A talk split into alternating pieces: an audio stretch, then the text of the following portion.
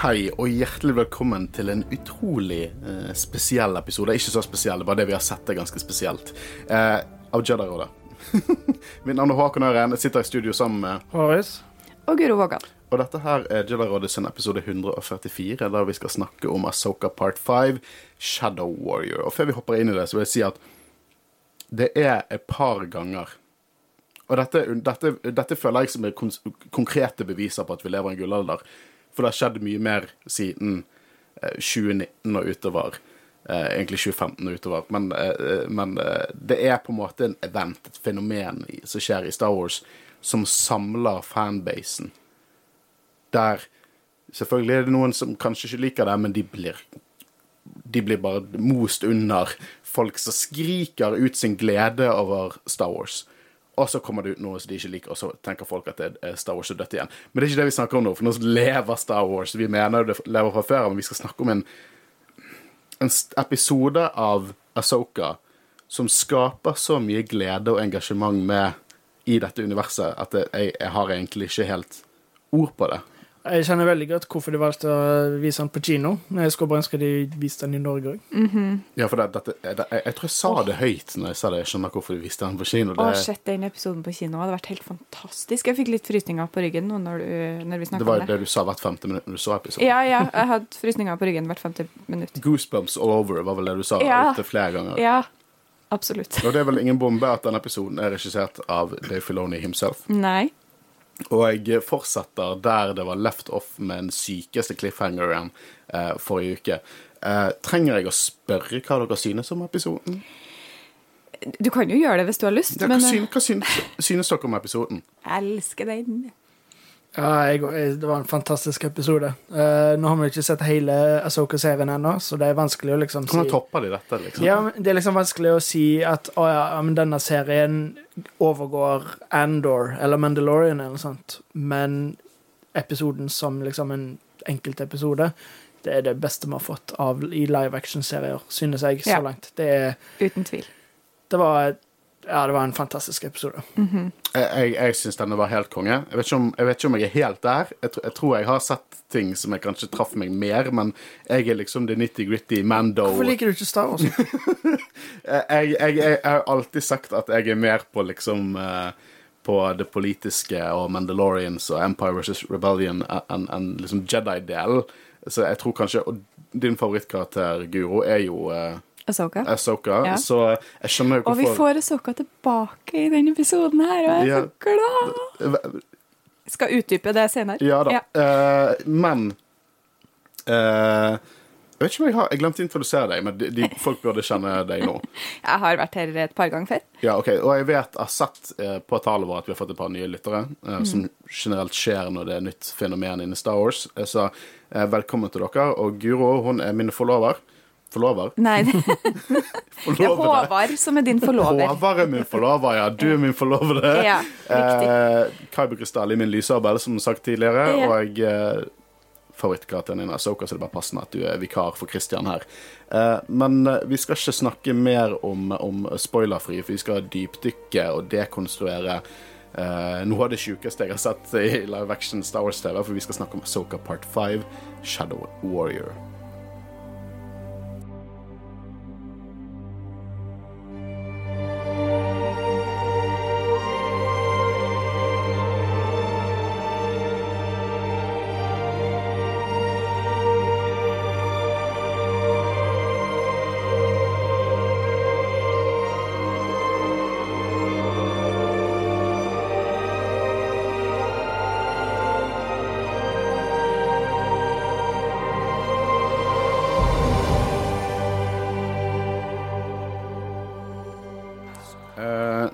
Her er jo en sekvens eh, Eller et par sekvenser nå, første halvdel av eh, episoden, som bare blew my law mind. eh, at jeg trodde at episoden var ferdig når vi var bare sånn 15 minutter inn. For det var så mye informasjon.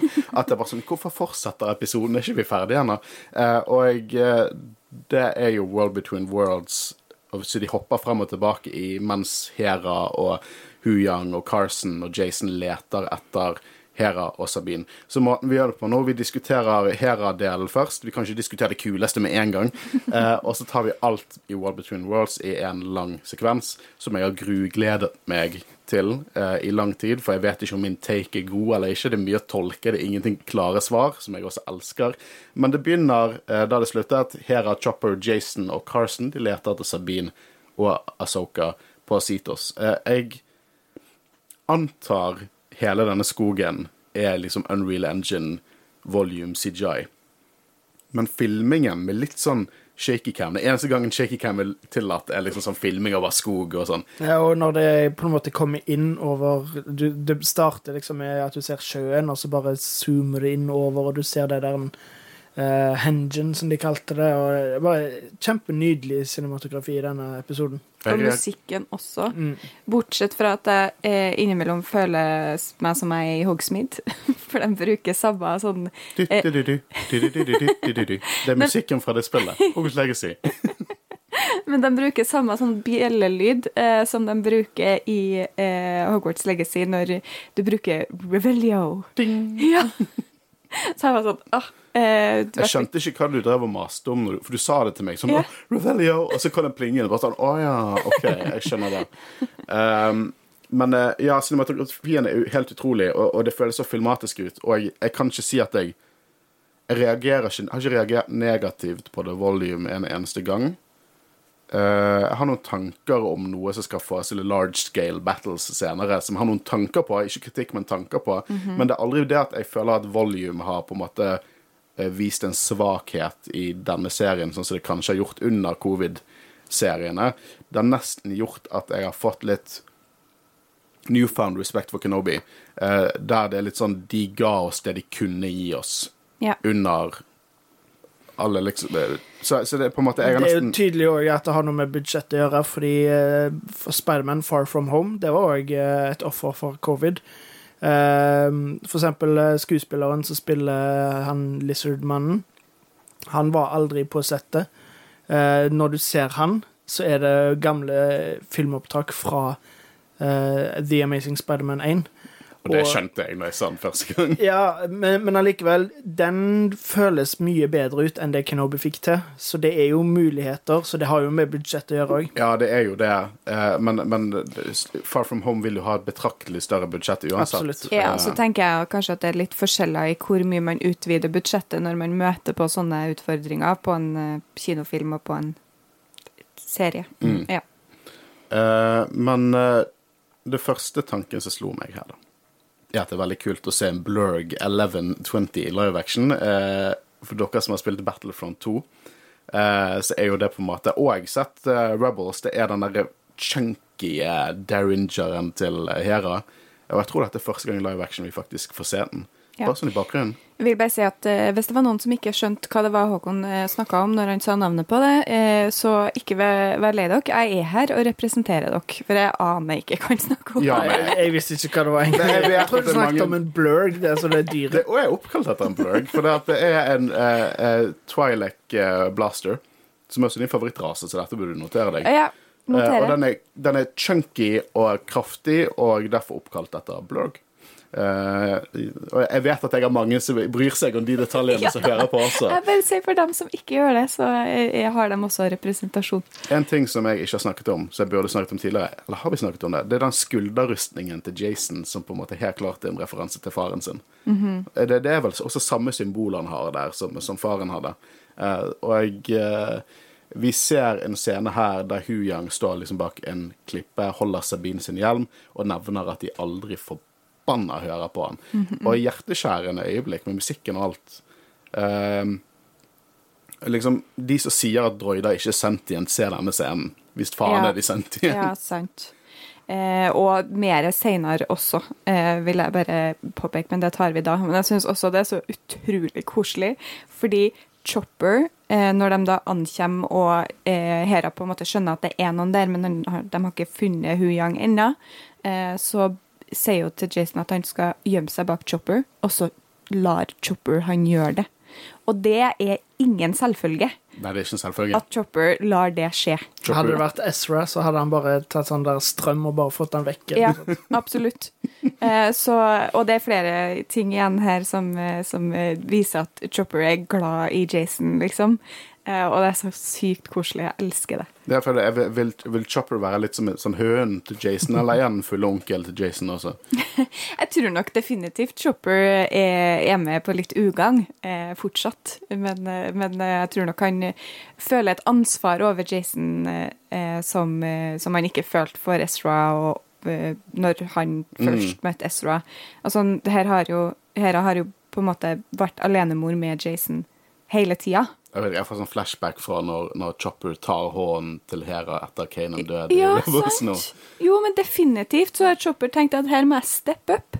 Her er det noen som trenger at jeg hjelper til å passe på. Mm, Og, og så jo, gjør han det. det er jo Hera som eh, ikke akkurat bygde Chopper, men uh, redda han fra fra en uh, Chopper har PTS, eh, PTSD, you guys. eh, Hva fly var det han var på? Y-Wing fra klonekrigene. Mm. Så Hera redda jo og reparerte Chopper, så de har jo hatt et forhold hele livet til Hera. Og antar her ser du dere hva som skjer med en droid som ikke har fått en memory wipe på, på veldig lang tid. Sånn. Dette, dette, dette er de monstrene de blir til hvis du ikke bare resetter de av og til. Men monstre med gode sider også. Ja, det er min favoritt murderbot, liksom. Ja. Min favoritt war criminal. Eh, Jason, han senser noe i bølgene. Og i mellomtid vi, ser, vi, vi kommer til å diskutere hva som skjer i de bølgene senere. Uh, og jeg eh, I mellomtiden her så er det Carson og Hera og Huyang, og alle diskuterer Huyang snakker jo om kanskje det ene Det er, begge, det er ett svar på de begge spørsmålene de har, at Asoka Sabine har dratt med, med The Eye of Zion. Um, når jeg hører at Senator Organa Og dette var akkurat sånn Leia-referanse jeg ville ha. Jeg sa det før. Jeg ville ikke se henne, jeg ville høre om henne. At hun prøver å backe de opp. Det, selvfølgelig gjør Leia det. Perfekt. Selvfølgelig er hun den ene som prøver å backe de opp. Eh, til informasjon, hun er senator, representerer eh, Alderon-sektoren. Eh, Alderon-sektoren er mer enn bare Alderon, så hun er senator i, i eh, senatet nå og representerer den sektoren. Er hun fortsatt general og sånn òg, eller er hun eh, hovedsakelig senator? på Jeg tror hun, bygde, bygd, eh, hun gikk over til å bli mer fra hele denne krigføringsdelen av karrieren sin eh, på det tidspunktet.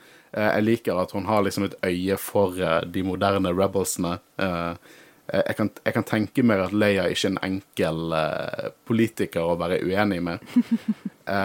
I senere tid vil jo hun prøve å gønne på Supreme Chancellor-rollen, men det er da det på en måte kommer ut at hun, er, hun var Vader sin datter. Mm. som også er en liten catalyst for, for Ben, for det han vet det ikke på det Ja. tidspunktet. Og det blir en sånn politisk skandale som man kan lese om i den fantastiske boken av Claudia Gray som heter Bloodlines. Eh, kanskje det er noe vi kan dekke en gang. Det hørtes ut som noe jeg har lyst til å gjøre, i hvert fall. Mm. Ja, jeg tror faktisk det er en bok midt i blinken eh, for deg. Eh, og det er en av de som på en måte har fått skikkelig god, eh, god kritikk. Det er ikke bare For Star Wars-bøker er ikke ikke, det er ikke Shakespeare det er veldig Shakespearean, men det er ikke veldig det er ikke, du, du blir ikke liksom eh, du, øker ikke intellektet ditt i bokform av å lese Star Wars-bøker, men det er law, og det er gøy, liksom. Uh, men uh, Jason senser nå i bølgene. Vi snakker mer om hva som skjer der, uh, på en måte. Kan jeg bare få si her at lydmiksinga der er helt fantastisk. Det er så utrolig liksom eh, nyansert og, og eh, hva heter det, subtle eh, gjort. Det. Subtilt. Det var et annet ord jeg lette etter, men det samme det. Dere skjønte hva jeg mente. Uh, og vet du hva som er så gøy? For han sier liksom til moren sin 'hør', nei, 'hør'. Og så kommer det, hør, begynner du å høre sånn lightsabers i vannet. Vet du hva? Hera har lært av alle gangene de ikke hørte på Ezra når han hadde en jævla Force-visjon. Hør på barna med The Force. Det er leksen som hun har lært, og hun kaster han et bein. Tror du hun hørte det, hun òg, eller at hun bare Jeg tror definitivt hun hørte det. Eh, som går veldig inn på dette her, For jeg tror denne serien pusher hele denne greien til Last Jedi, at alle kan ha The Force hvis du er åpen for det. Men la oss se tilbake til Rebels. Eh, Hera senset at Kanan døde. Ja. Det er ikke noe tvil om at hun gjorde. Og Hera er jo veldig veldig glad i dem hun er glad i. eh, så at det her at det da er knytta til eh, Kanan, og denne gangen knytta til Jason, kan jo kanskje også være en forklaring på hvorfor hun f- får sånne følelser, eller klarer å høre det. En liten ting jeg la merke til andre ganger, så er at de ser utover havet, og Carson står i bakgrunnen liksom Hva faen er det som skjer? eh, men de står ut og ser utover vannet, og musikken bare mm, Star Wars.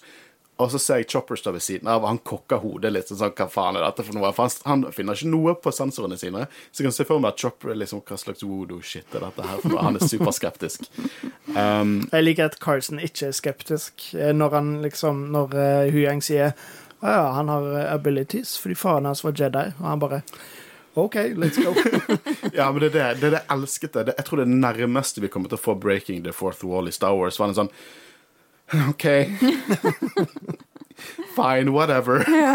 Og når vi endelig fikk høre Kanan Jarrus Å, da, da traff de blodpumpen, ass. Eh, og jeg, det fikk ikke med meg det blinken misset, men det bildet av han inne i cockpiten til The Ghost. Eh, som var virkelig blinken you misset. Ja, det fikk de ikke med meg. Jeg, fikk, jeg så det via Reddit lenge etter jeg hadde sett eh, den, det sekven, den sekvensen. Men Er det eh, faktisk bilde, da, eller bare det, er så, sånn tegna det er så uklart at det ikke går an å se om det på en måte Hvem er det som spiller Kanan? For alt det jeg vet kunne du, Hva er det han heter, han er 90-tallsstjernen? Fred? Altså, Freddy Prince jr. Ja. Det, for alt jeg vet, kunne det vært han med liksom en goatee og hestehale på det bildet, men det er så langt unna, og du klarer ikke å se det. Men det er helt klart Kanan på det bildet. Um, så de går jo ut for å lete i havet, rett og slett. Eller sirkle over. Og det er et eller annet med Det kommer også senere, når de på en måte hopper litt og redder eh, Asoka ut av vannet. Men det er et eller annet med å se X-Wings i atmosfære gjøre sånn grounded shit. det, eh, som bare trekker meg totalt inn i det. Eh, Det er så utrolig mange kule shots her. Når liksom, for eksempel senere, når de ikke finner ut noe, så sier Chopper Og jeg elsker hvordan Jason og Chopper sånn der maser i, i, i munnen på hverandre i, i, under ankomstene. Men fly low, relow. Og det shotet av The Ghost som bare går ned mot vannet. Å, jeg får frysninger av å snakke om det, jeg. Yeah. Og veldig kult når du så det fra innsiden, at du følte at skipet faktisk gikk nedover. og det, det visuelle i denne serien er kjempebra. Har virkelig filmbudsjett. Eller det ser sånn ut, i hvert fall. Ja. Må bare beklage, eh, eller ikke beklage egentlig, eh, sorry not sorry, at jeg fangirler veldig over Chopper, men eh, jeg må bare trekke frem igjen at jeg er ganske sikker på at Chopper, når Hera eh, sier at han skal passe på Jason, svarer hun eh, yes, sir, eventuelt yes, ma'am. Ja. Eh, men eh, så vidt jeg har skjønt, så er yes, sir litt mer kjønnsnøytralt i Star Wars enn det er eh, i vår verden. Ja, for jeg, jeg, jeg, jeg, jeg fikk med meg det, men jeg håper at han banner litt snart.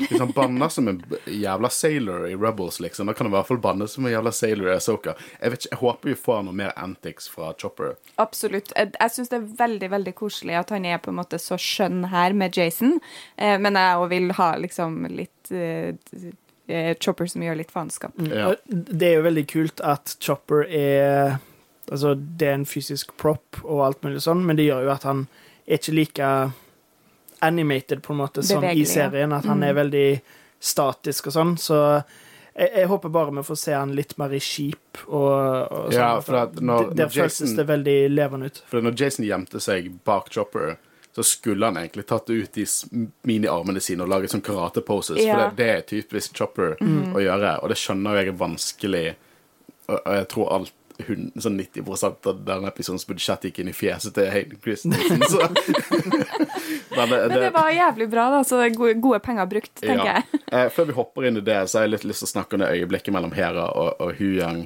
der han egentlig gir henne masse komplimenter over at ja, hun er sta, men det er ingenting som stopper henne. Hun gjør det på sin måte fordi hun er glad i, og det er derfor folk liker henne. Ja, you do things your way because you care. This is why people like you. Det her føler jeg sånn ikke snakker bare liksom til Hera, men også til Star Wars-fansen. At eh, det her er hvorfor vi setter så utrolig pris på, på Hera sin karakter, på en måte. Fordi at hun er den som gjennomgående bare bryr seg om alle hele tida og tar valg etter det. Og ikke er så veldig konfliktet over det. Det er bare sånn, det er, det er så åpenbart for hun å ta de valgene som er best for, de, for dem som hun bryr seg om. Og det er jo veldig passende, for det er jo på en måte det Asoka lærer i denne episoden, blant mange andre ting. Ja. For det, hun går på en måte fra det å nå skal vi stoppe Throne, til nå skal jeg redde de jeg er glad i. Um, vi, vi, kommer mer inn i det senere, men de snakker jo litt Jeg liker veldig det der når Huyang sier at det, som regel så forsvinner ikke folk ut av tynn luft, liksom. Uh, men, uh, men Asoka er nok her, for det er aldri så liksom, enkelt med Lady Tano. Ja, Uh, jeg hang meg litt opp i det at han kaller henne Lady Tano. Er det noen andre som gjør det?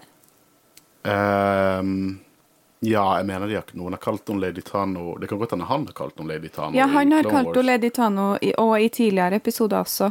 Ja, men jeg tenker i, i Clone Wars, på Ja, en måte. Nå, nå har jeg hørt noen kalle henne Lady Tano tidligere. Uh, men jeg kommer ikke på det i hodet mitt. Kommer inn her og stiller de vanskelige Ja, ikke utfordre meg på den måten. Jeg beklager. Vet du hva. Uh, nei da. Uh, jeg liker når de snakker om mesteren til uh, Asoka, og Huyang snur seg og sier han var intens. Ja, og det her er det liksom, hvis du ikke mener at liksom droider er sentient eller øh, Jeg elsker det når droider er bedre menneskekjennere enn mennesker. For liksom på veldig kort tid her nå så har han eh, liksom truffet Hera og Anakin på kornet. Absolutt. Jeg elsker Huyang. Drøyten som myser og mest emotive av alle. Ja. Men nå er jeg bare, jeg elsker han. Eh, Jeg syns det er helt fantastisk eh, hvordan de har dratt han inn i, eh, i live action.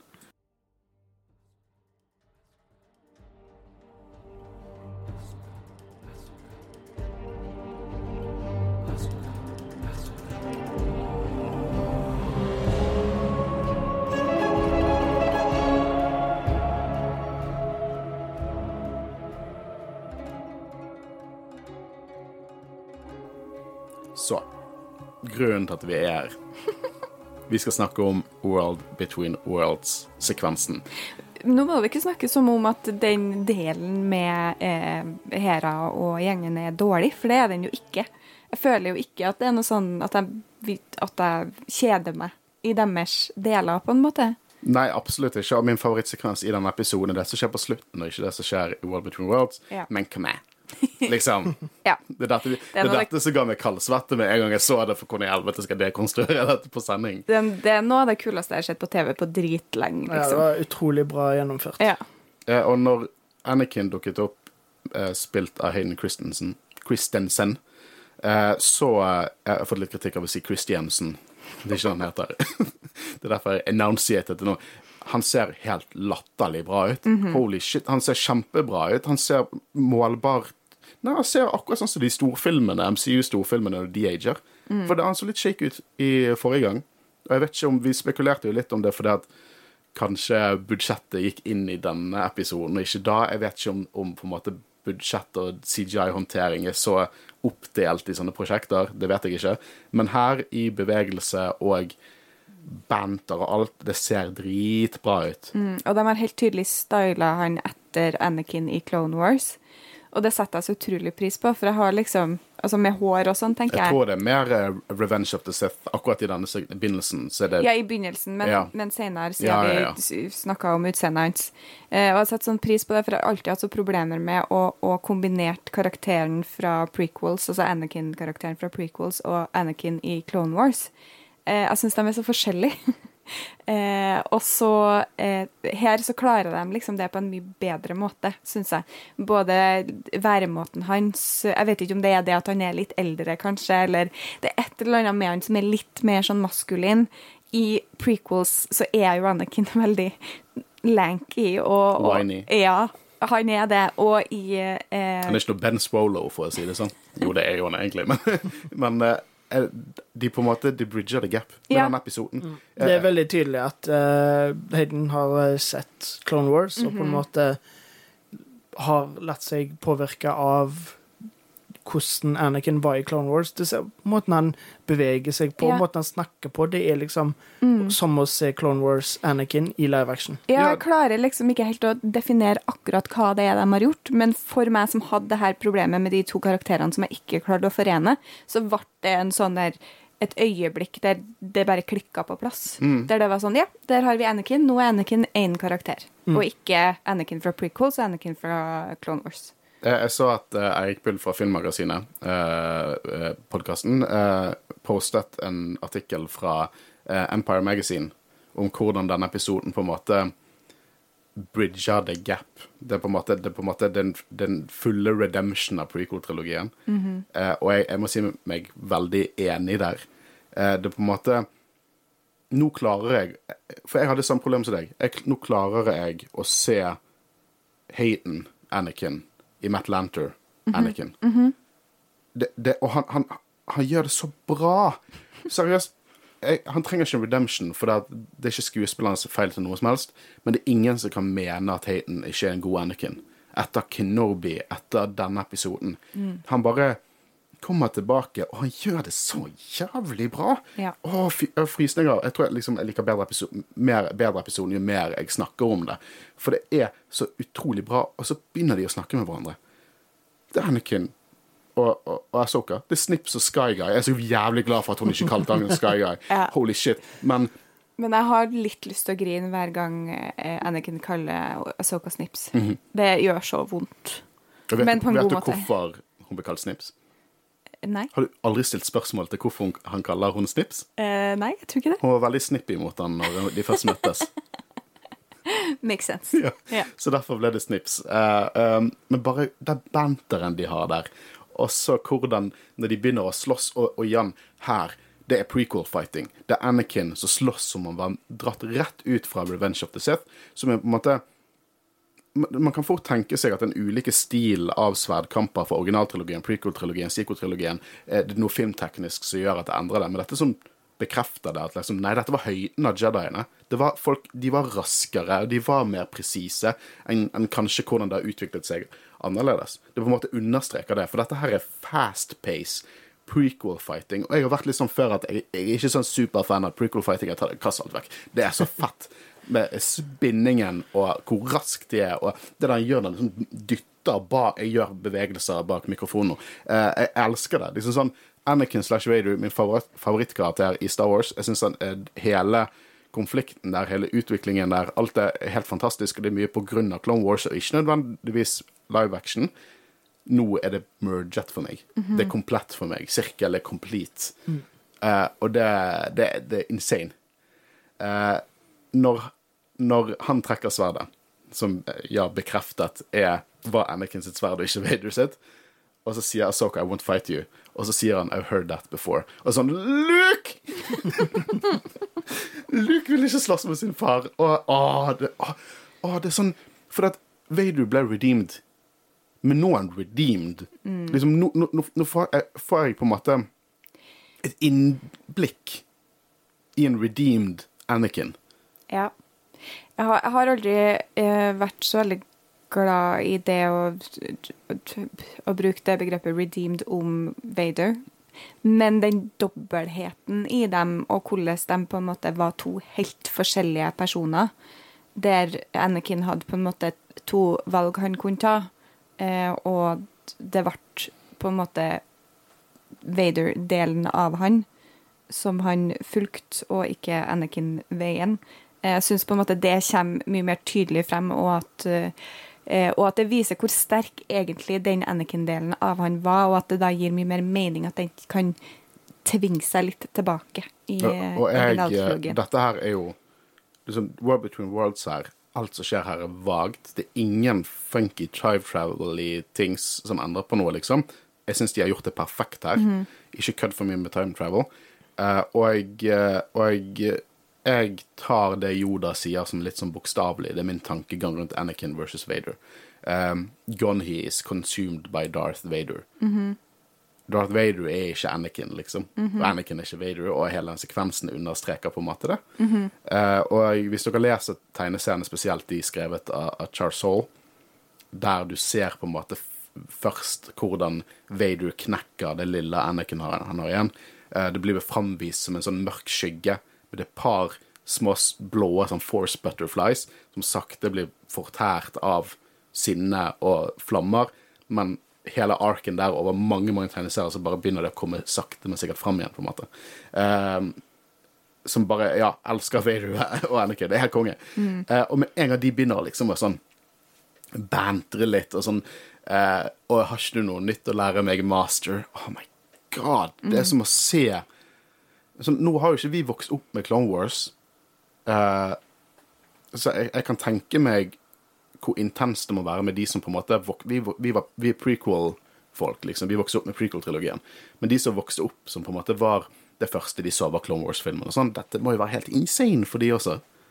Ja, jeg vokste ikke opp med noen av delene.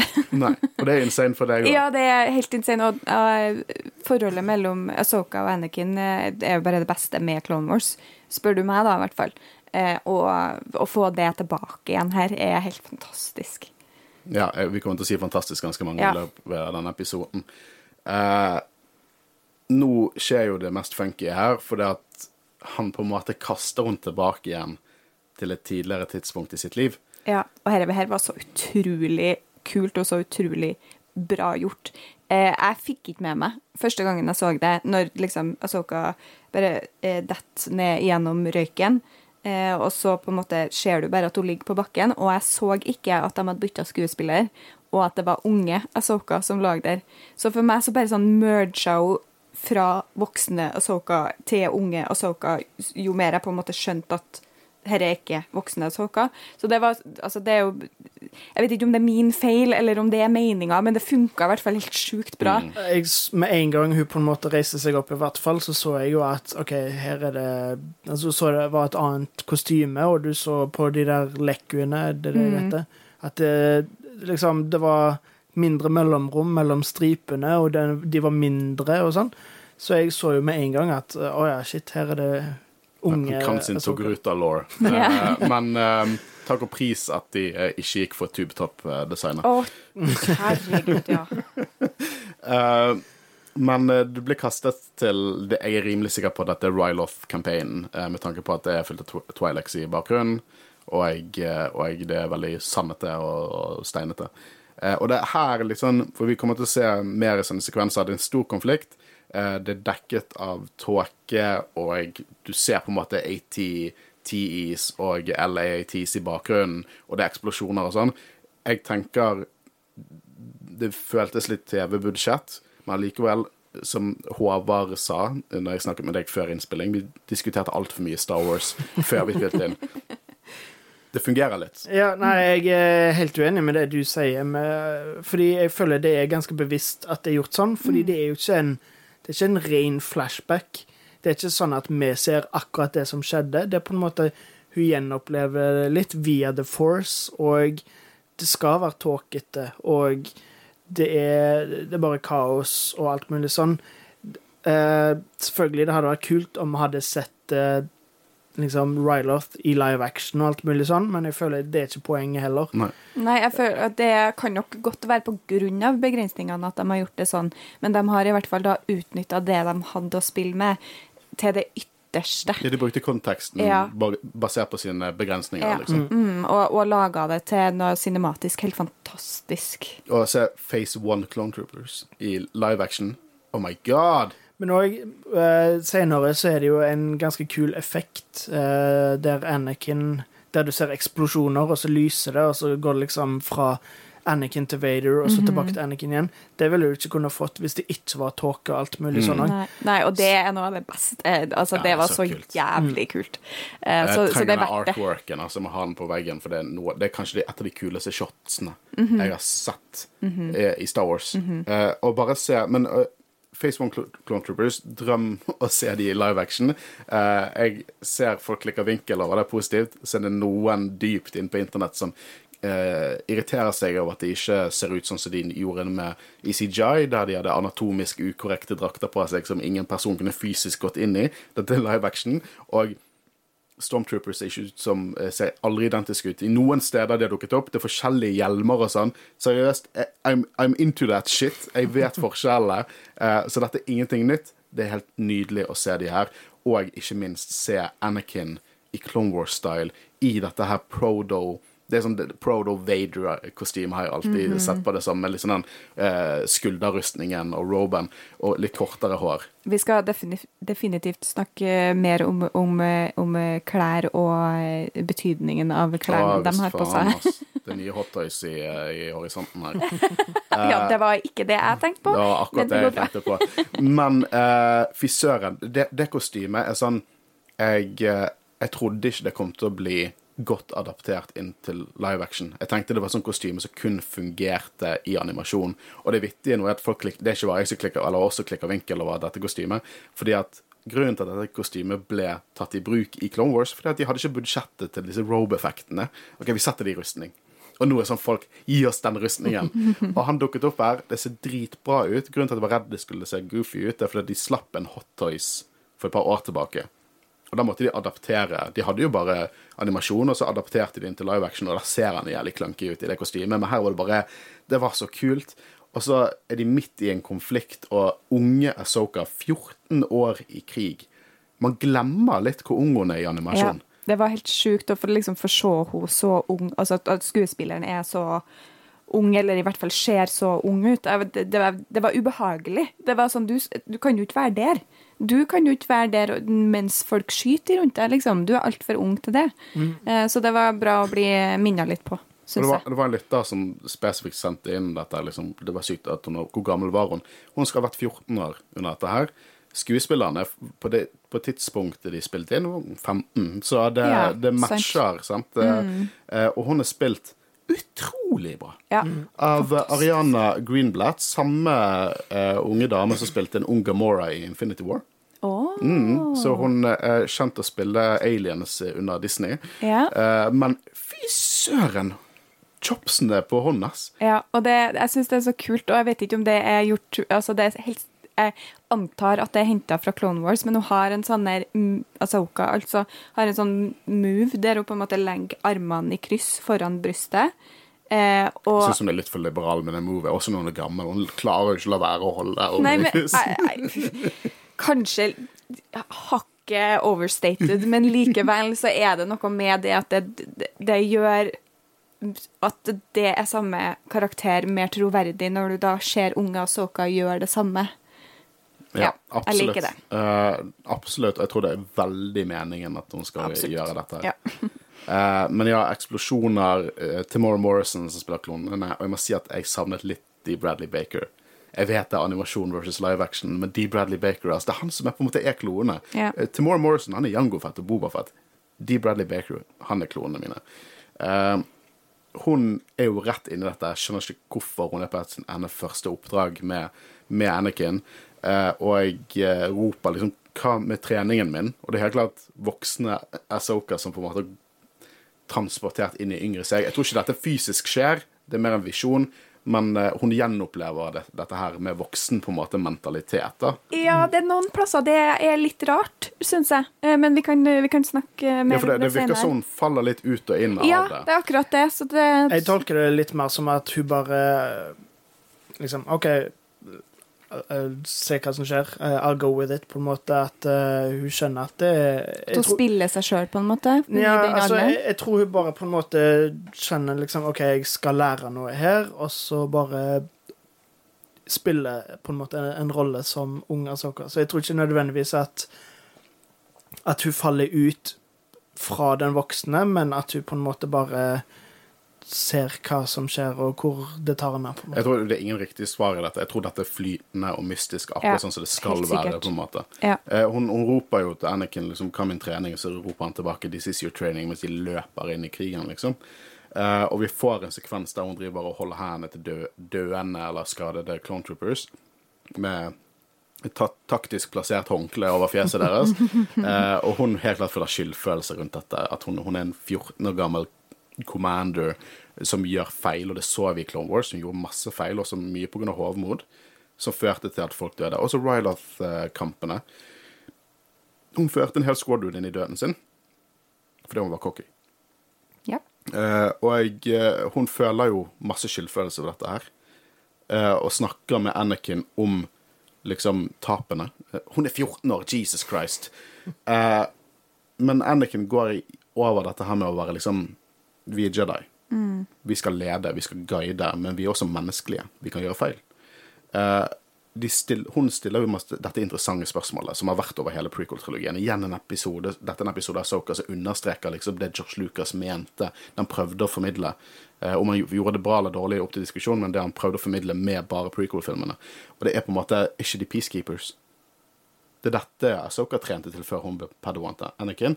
Og så sier på en måte Anakin at ja, de var det, men for å vinne denne krigen så må de på en måte adaptere til å være krigere. Og hun begynner jo å drøfte om det, er dette leksen hun skal lære til sin padawan. Og, da, og da, da på en måte begynner jo Anakin å, å, å kødde litt. Og det, vet du hva, det er veldig fascinerende å se Anakin, live action Anakin på en måte ha den mesterrollen. Ja, han er på en måte litt sånn Han har en swagger, og han er litt sånn Han kødder litt. Han er, litt sånn, han er nesten litt sånn Han Solo-Luke, på en måte. Men når han sier sånn 'come here', og faktisk skal prøve å lære henne en lekse Det var det, det var noe jeg ikke forestilte meg Anakin når jeg så prequel-trilogien for første gang. Og jeg elsket prequel-trilogien. Det er det jeg vokste opp med. Men jeg forestilte meg aldri at han kunne ha, liksom, være den mesterrollen. Så i 2008, når jeg ikke var inne i Clone Wars, så tenkte jeg liksom ah, Anakin har en Padawan, but det, de gir ikke mening. Jo, det gir mening. Og i når du ser dette her, og måten det er spilt på, og dynamikken når han begynner å kødde, og hun sier sånn der eh, liksom eh, snapper til han sånn Jeg ville foretrukket om du faktisk var litt seriøs. Det er Ja. så Anakin og Snips. Det skal jeg ha Snips.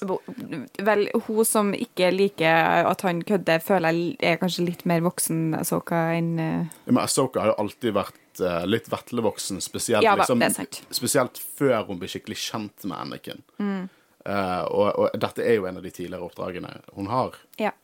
Uh, og hun forventer jo kanskje noe mer eh, ordinær mester enn liksom denne cocky røde flagget av en Jedi, liksom. ja. Eh, og de snakker jo på en måte om det der eh, At At, eh, at eh, du må kjempe, og hvis du ikke kjemper, så dør du. Det er på en måte leksen hun lærer i dette øyeblikket. Og det er jo her vi får dette sinnssyke sekvensen og de må videre, videre i, i krigen, og det flasher inn til Vader. Åh, fy søren. Ja. Eh, jeg har lyst til å For jeg tror det er eh, før han går inn i røyken, skal jeg si, eh, så sier Asoka til An Anakin But you are more powerful and dangerous than anyone realized. Og det sier hun under Siege of Mandalore-sekvensen. Å, unnskyld! Ja. Men det er mye røyk der også. Ja, mye røyk der også. Vi skal gå inn på det. Ja. Fordi at, som du sier, vi hopper inn i Siege of Mandalore, som jeg og Håvard har ganske ferskt minne over. For vi så det tilfeldigvis i Spania når vi var der. Jeg er veldig glad vi, vi så den, for å ja, som du sa, for å få det ferskt i minnet, og eh, litt mer kontekst til liksom hele det, da. Så det var veldig gøy. Nå føler jeg jeg bør se den der uh, Ryloth-arken i Clone Wars. Mm. Ja. Uh, ja, for det Dekka vi den når vi ja, dekker Jo, jeg tror det. Vi snakket om noen Indiana Jones-referanser der, husker jeg. Er ganske sikker på at vi dekket det. Og Cham, det var vel første gang Chams Dulla dukker opp. Så derfor tror jeg vi dekket det. Um, nå, vet du hva, nå hopper vi inn i det. For dere som ikke har sett den fantastiske Star Wars-serien Star Wars The Clone Wars, den så dere ikke komme. Nei, jo ikke. Um, jeg vet ikke hvordan dette var for dere, men gå tilbake og se. Om så er det bare de fire siste episodene som er Siege of Mandalore, går tilbake og se. For dette er Maul som styrer Mandalore. Dette er hans Mauldalorian, som vi kaller det. Og mange andre kaller det ikke originalt på den delen. Det er derfor de har horn på hjelmene og har disse tatoveringsmerkene på hjelmene sine. Men å se det i live action, kom an, vær seriøs, Dave! liksom, what the fuck? Og han vet så godt hva han gjør!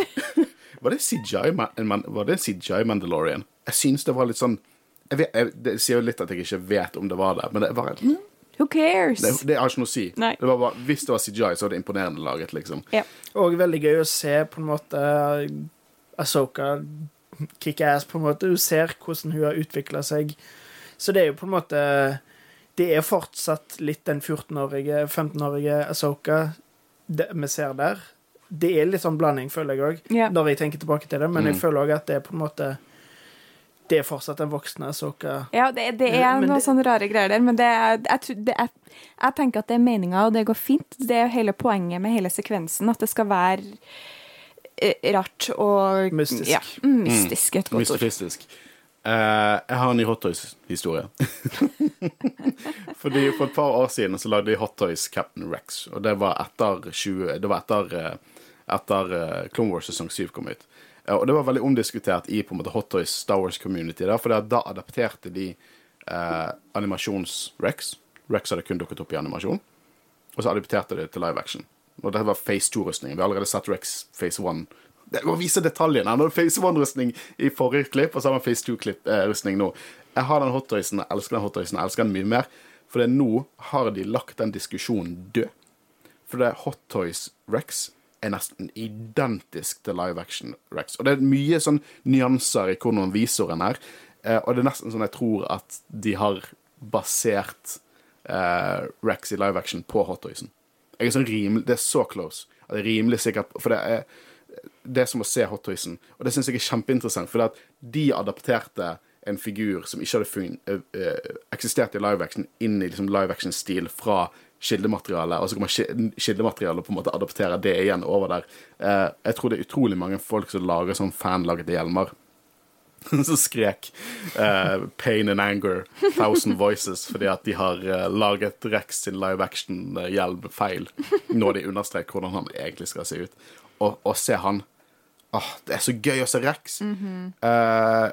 litt rart å høre Tem Morrison ja. av stemmen. Helt enig. Det føltes ikke som Rex. Nei, for det Nei. er ikke min Rex. Nei. De Bradley Bakery min Rex. Og det er litt rart med Tamora Morrison, for det at Eh, jeg synes at han er awesome. Han var en av grunnene til at jeg begynte å, å like Star Wars med Jango Fett. Han spiller awesome Bobafett. Si hva du vil om Book of Bobafett. Han gjør en utrolig god jobb som Bobafett, i min mening.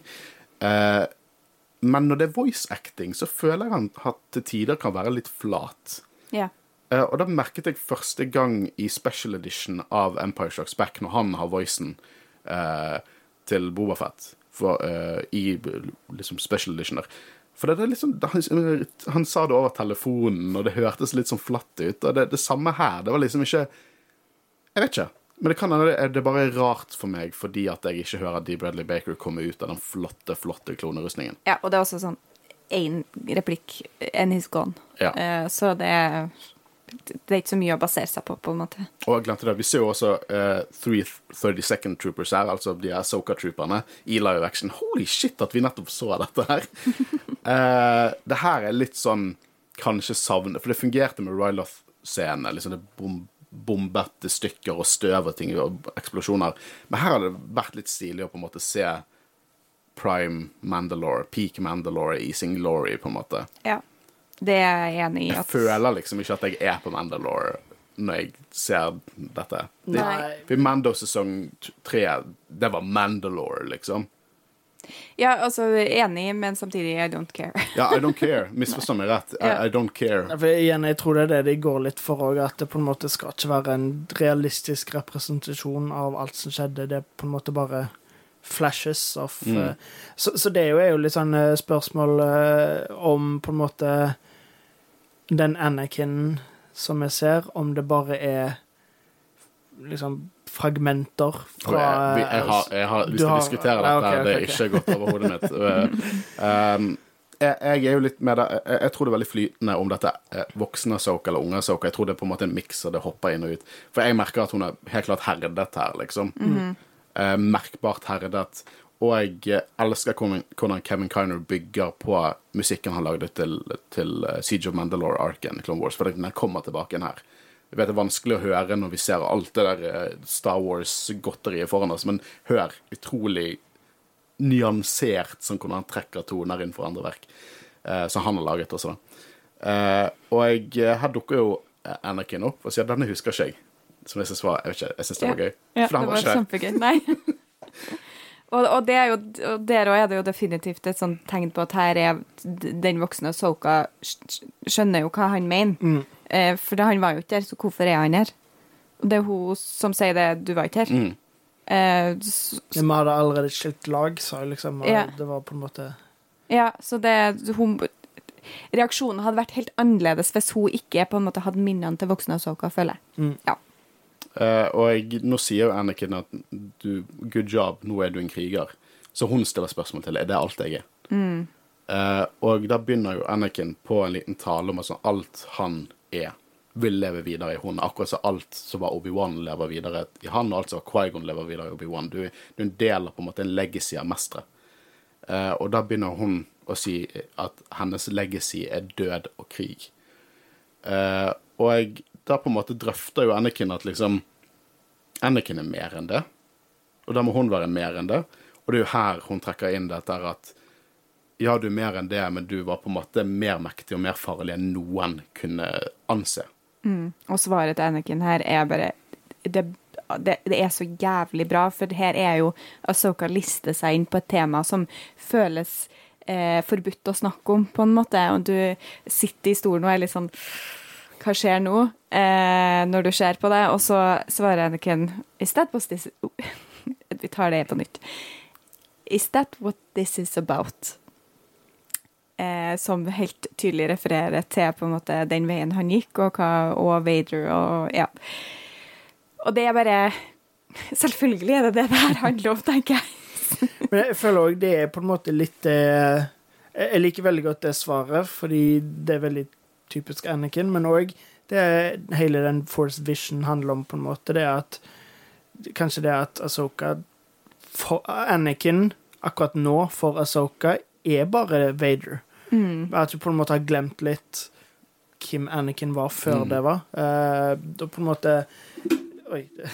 Litt det med liksom Is that all I am? Uh, det kunne òg Anakin sagt uh, på en måte der, fordi jeg føler at Anakin er så mye mer enn Vader. Ja. Det, det er, han spiller så bra fordi at han føles så varm og karismatisk ut, men samtidig så farlig.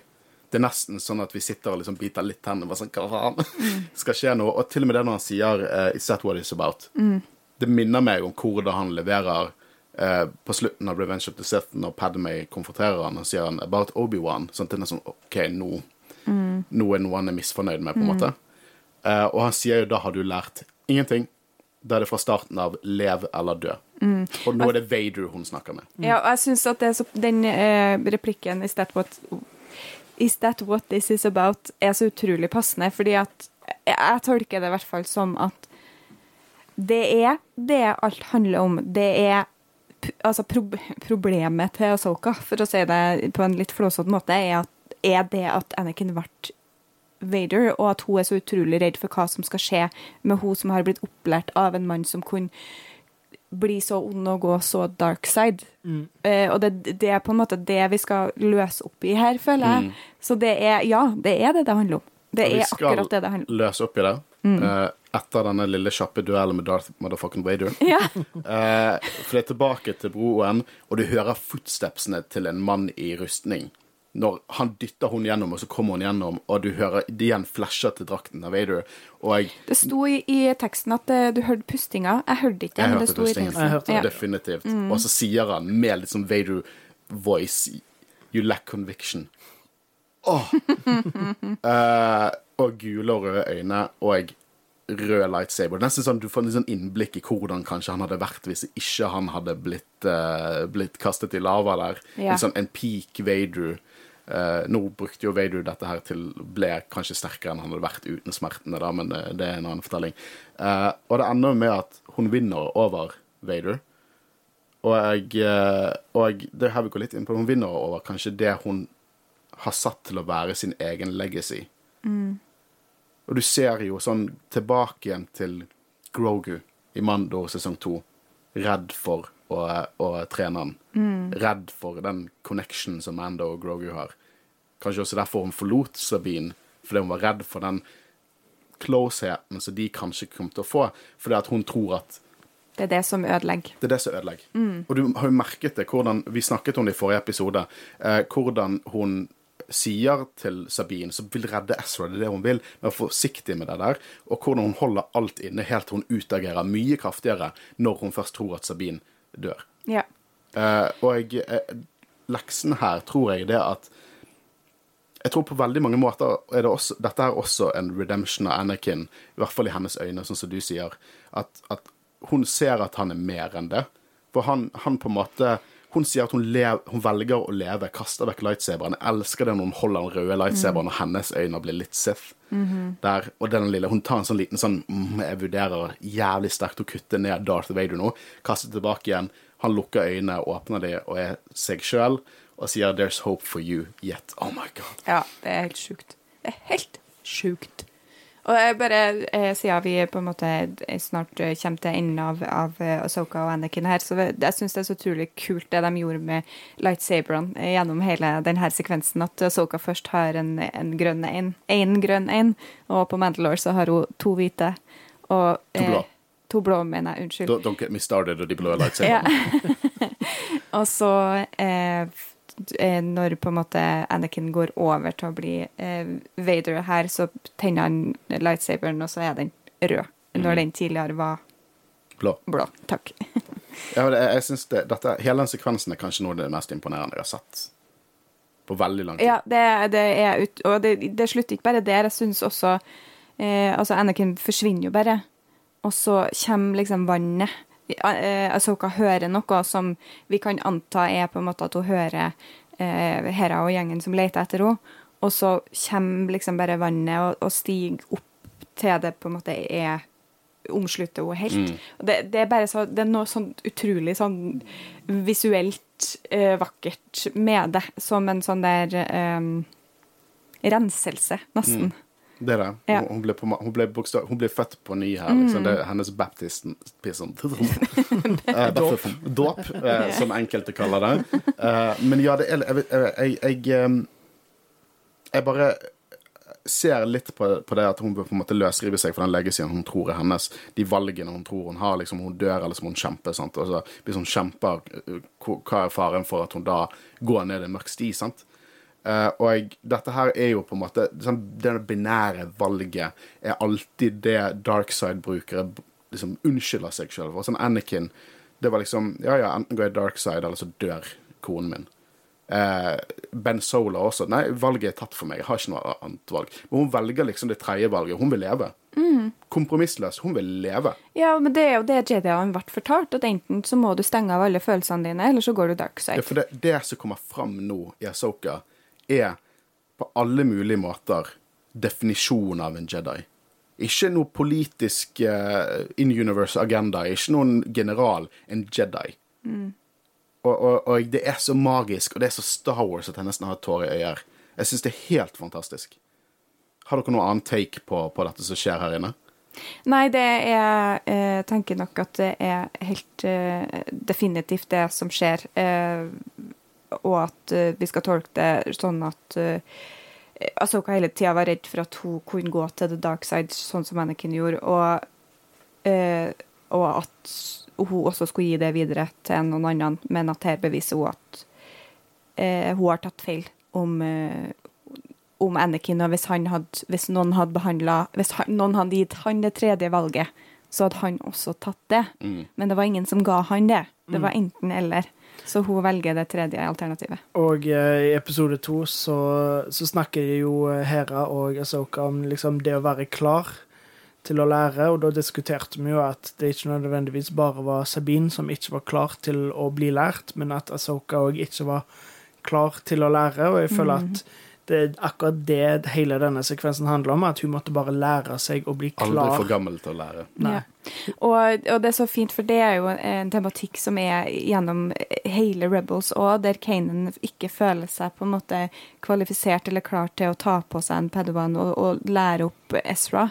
Der han òg på en måte må finne sin egen vei, og jeg syns det, det er så fint at vi får, får litt den samme tematikken i Asoka som de har i Rebels. Mhm. Det, det er helt fantastisk. Og nå har Skyguy fullført Jeg hater eh, kallenavnet Sky SkyGuy men Anakin Skywalker har fullført Asoka Tano sin trening her. Og hun har kanskje forstått noe Eller fått litt tilbake igjen det hun hadde, det forholdet hun hadde med Anakin. Og ikke bare husker den tragedien som skjedde. Eh, det er helt fantastisk. Og nå har jeg lyst til å diskutere litt mer eh, praktiske ting OK! eh, rundt eh, World Between Worlds. Først, var dette Anakin? Var dette The Force? Var dette Anakin? Hva var det? Hva er takesene deres? Jeg håper i hvert fall det faktiske Anakin, som en slags force ghost, eller liksom Ja, det kan jo ikke fysisk være Anakin. Nei, det er ikke Som- fysisk Anakin, sånn som min wacky teori i forrige uke var. Det er Nei. ikke fysisk Anakin. Det kan det jo ikke være, for det, det funker jo ikke. Nei. Men eh, eh, jeg tenker jo definitivt at det er noe av Anakin som bor i The Force, som kommer tilbake her for å For. Anakin er en del av The Cosmic Force. Mm. The World Between World er en del av The Cosmic Force. Hun holdt på å dø her liksom, Dette her er på en måte Force Heaven Jeg vet ikke om du kan kalle det Det, det, min- det får meg til å tenke på det der ubrukte skriptet til Kanskje mer Force Purgatory, liksom. Ja, og, og jeg um, Han sier i begynnelsen at det er godt at du husker, for det betyr at du har en sjanse til å leve. Eh, og eh, jeg tror Det har ikke noe å si om dette her er Anakin eller ikke. For enten er det Anakin, eller så er det Force, og Anakin er en del av The Cosmic Force. Da er det Anakin. Jeg tror 100 at det var Anakin Skywalker. Ja, ja. Uh, og ja, han er ikke all blue and shiny, men han er inni World Between Worlds. Han framviser seg sånn som han vil framvise seg. Og han nevner ting, han refererer til ting som ikke Asoka visste om. At Luke drev og sa at han ikke ville kjempe mot, mot Vader. Det var ikke noe Asoka visste om.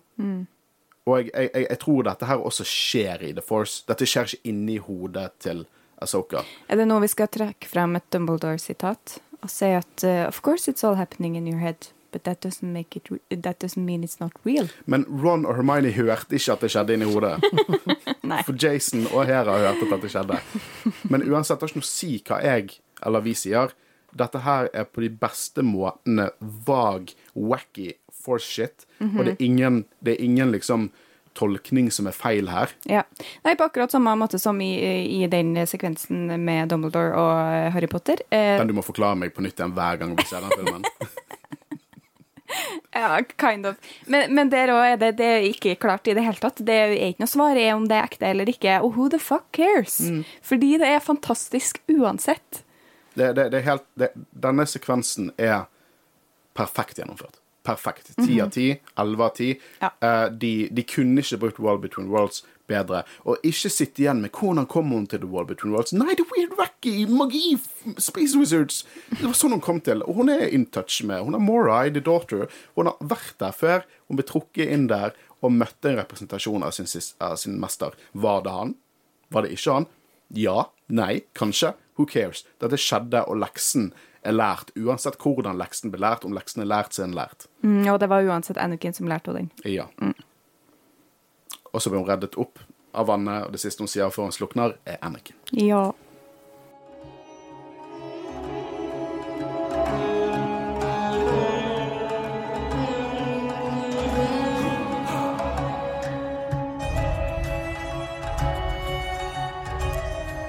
Jeg leste en artikkel at det var aldri lurt å eh, drive og reklamere for sosiale medier i begynnelsen av en episode eller en slutten av en episode. Så eh, hvis ikke dere gjør det, følg oss på Instagram, Facebook, sosiale medier hvis dere har lyst til å interagere med oss. Det er sånn eh, vi får tilgang til lytterinnspill. Vi spør et spørsmål en gang i uken etter vi har sett en First Star Wars-episode. Tankene til lytterne. Dere kan svare på den, eller sende det på PM, og så kan det hende at dere blir tatt med i som vi er i slutten av episoden. Eh, gi oss gjerne en rating på Spotify og iTunes også.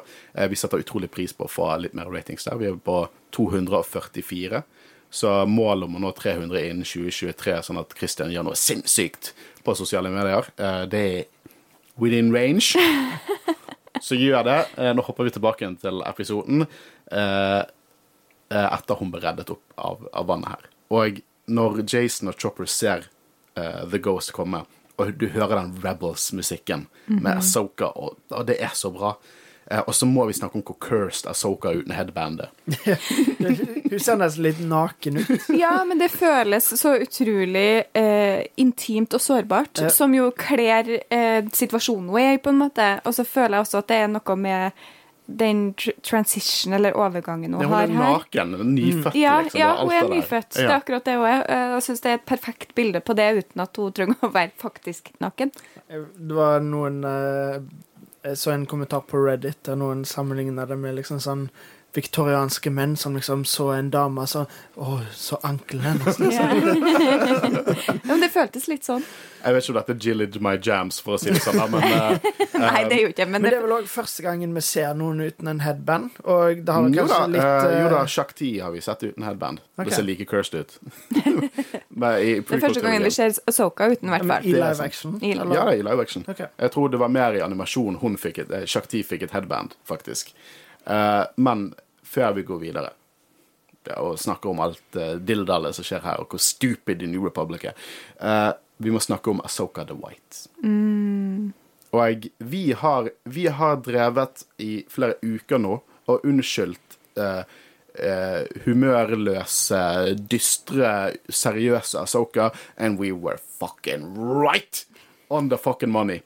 For nå er Dette er Asoka. Asoka er tilbake. Ja, hun er tilbake. Og det, det, var, det var så fantastisk, for jeg har vært litt sånn vært litt sånn lei meg og nesten litt i fornektelse. Fordi jeg er så utrolig glad i Asoka fra eh, særlig Clone Wars Asoka. Eh, for hun er litt dyster i, i Rebels også. Eh, men i hvert fall i live action så har hun vært veldig dyster og veldig seriøs. Og det, har, det glimtet i øyet har vært helt bort. Og nå kom det altså tilbake with a vengeance. Ja. Hun Ja, det var smilte, hun lo, hun Ja.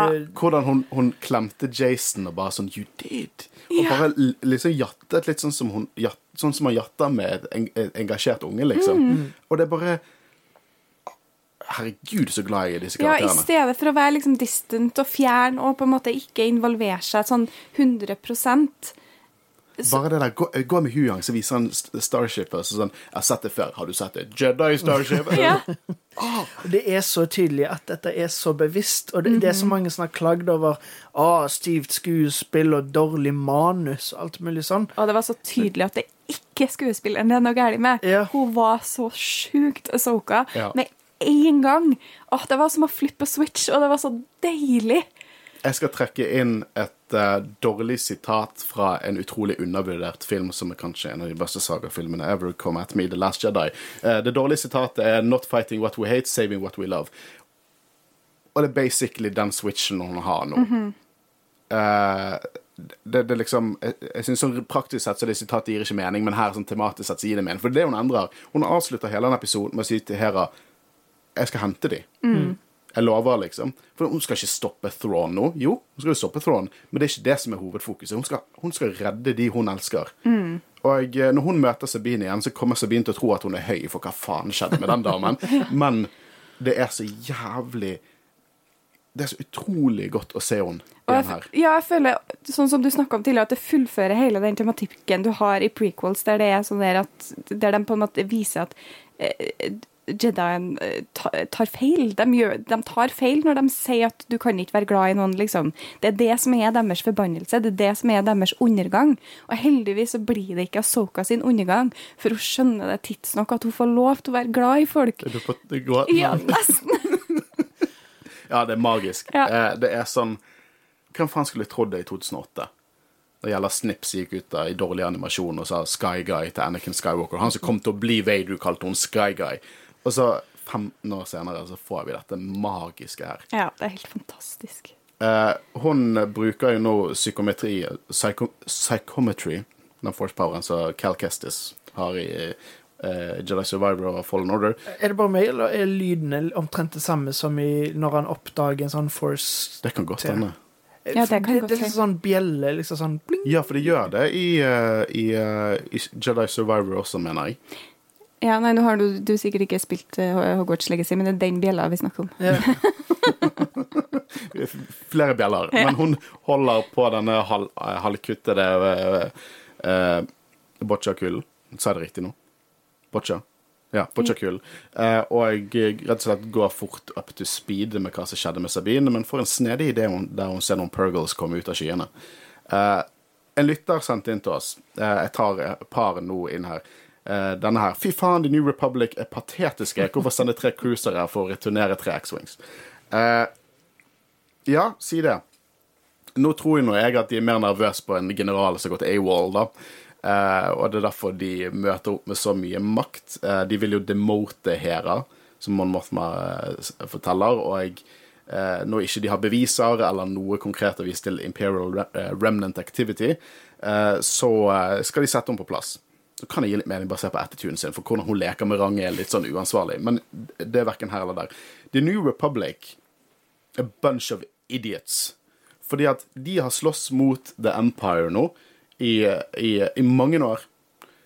Og når de vinner, så går de inn som motpol at de bare gjør seg så sinnssykt sårbare. De, de, liksom, de demilitariserer hele driten. De er helt klart livredde for generaler som prøver å stoppe at Empire kommer tilbake igjen. Og de, de, jeg lurer på om de er sånn livredde for sjansen for her, at hun, hun her opprørerhelten som fikk et barn med en av Jedi-ridderne, plutselig skal kanskje Hva faen skal hun gjøre når hun ikke følger ordre? Så vi sender tre cruisere for å arrestere henne. Det er sånn De er så naive.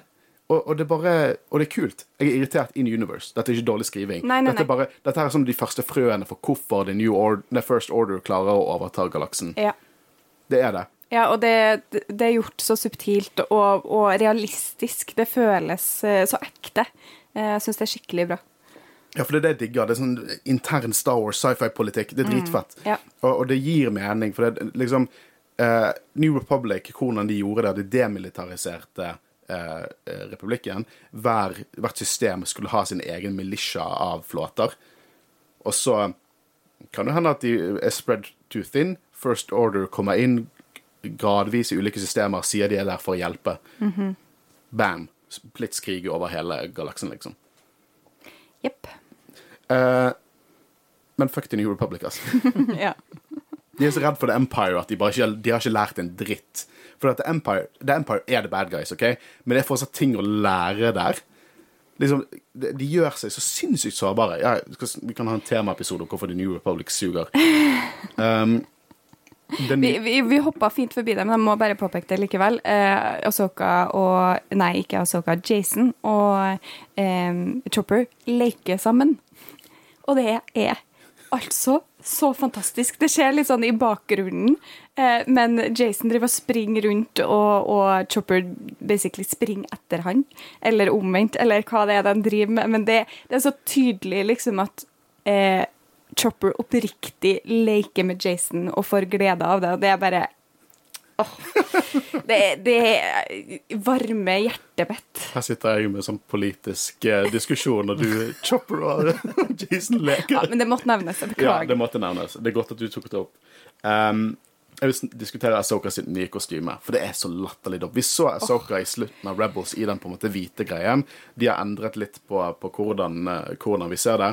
Og det er sånn, Hun har en nytt headband med en sirkel som matcher litt den staben hun har i slutten av Rebels. Og den er hvit, og den er det, det bare representerer liksom, Det går fra det svarte, dystre kostymet hun hadde, til noe, noe helt nytt. Ja, jeg føler den er mer lysgrå, som jeg Ja, er føler lysgrå, ja. eh, Som også er mer passende. Ikke helt uh, kritt.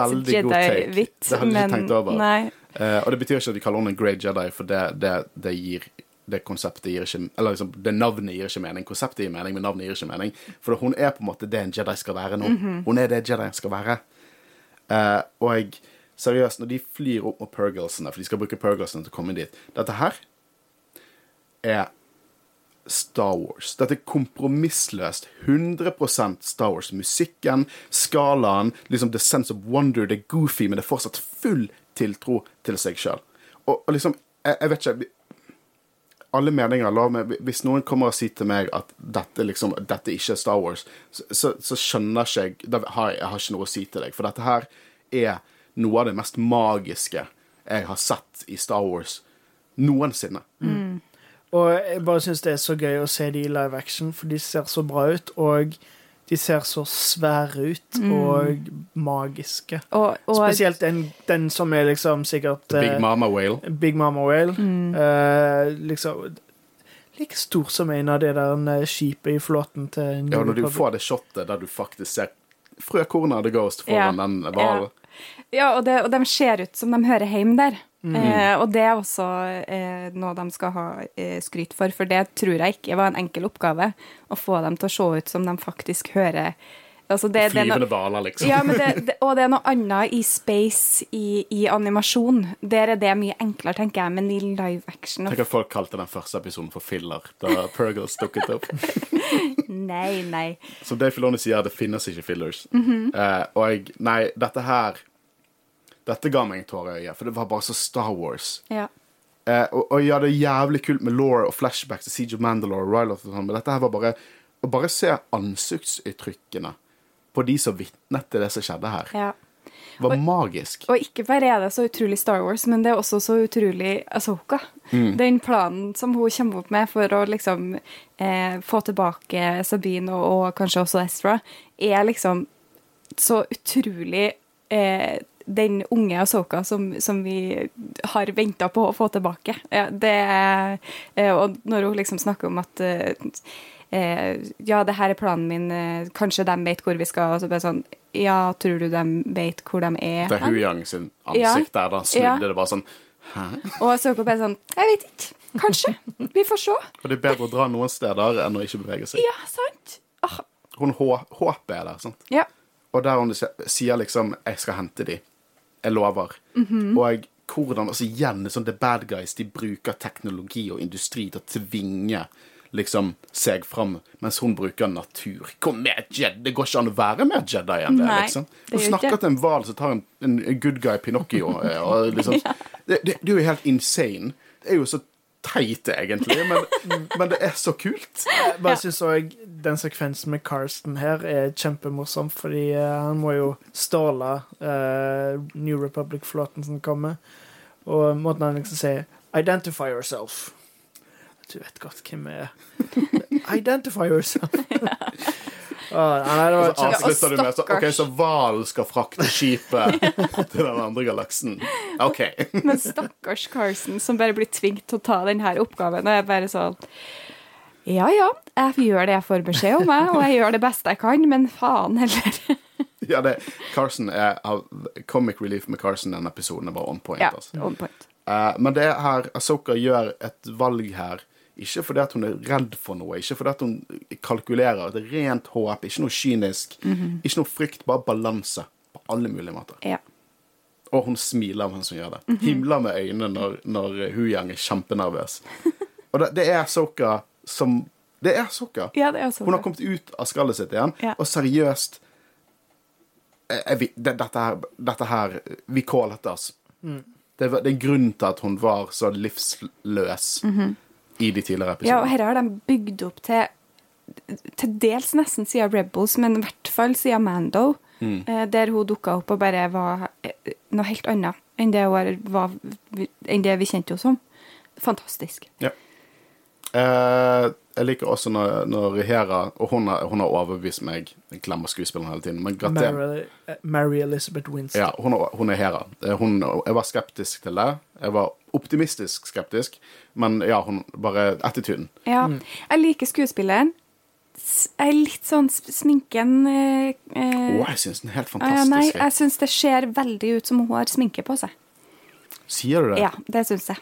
Eh, Så det drar meg litt ut av det innimellom, men i det store og hele bildet så gjør det meg ingenting. Jeg, jeg, jeg tvert imot. Jeg, syns- jeg er veldig uenig. Jeg syns det ser helt fantastisk ut. Jeg Ja. synes at Twilight har en tendens til å ikke alltid se kjempebra ut i live action, og det ser dritbra der, i min mening. Eh, men du vet, smaken er som baken. Det smaker skit.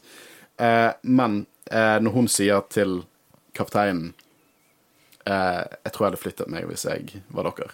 Ah, Å se de fly gjennom der. Ja. Jeg liker skipene. Jeg, vet ikke hvilket, jeg tror det er et nytt design på skipene. eh, men eh, For jeg klarte ikke å finne ut hvilke type skip det var for de skipnerdene der ute. Men det er jo kult New Republic-skip, på en måte. Du likte ikke de. Nei, det Jeg syns de så litt goofy ut. Du savner eh, de store grå pizzastykkene. Ja, jeg gjør det. Kanskje vi får se et stort grå pizzastykke med en uh, mal paintjob under skipet i form av The Chimera snart. For det er jo virkelig det vi snak må snakke om nå. For det, nå har denne serien bygd opp til Asoka. Det, det, det har tatt en karakter som har vært etablert og vært gjennom mye, og lært hun sin siste lekse. Det neste på agendaen nå er jo Grand Admiral Thrawn. Åh, fy faen. Gleder meg så sykt. Dukker han opp i neste episode? Ja, hva annet skal de gjøre? Jeg tror de, det, det er noe spesifikt også med denne flåten som de bringer inn. eh, og nå tenker jeg filmteknisk. Vi må ha en liten kamp. Vi må vise vi må, For vi, vi kommer ikke til å se Thrawn, og så kommer folk bare til å si til oss han er farlig. Vi kommer til å se hvorfor han er farlig.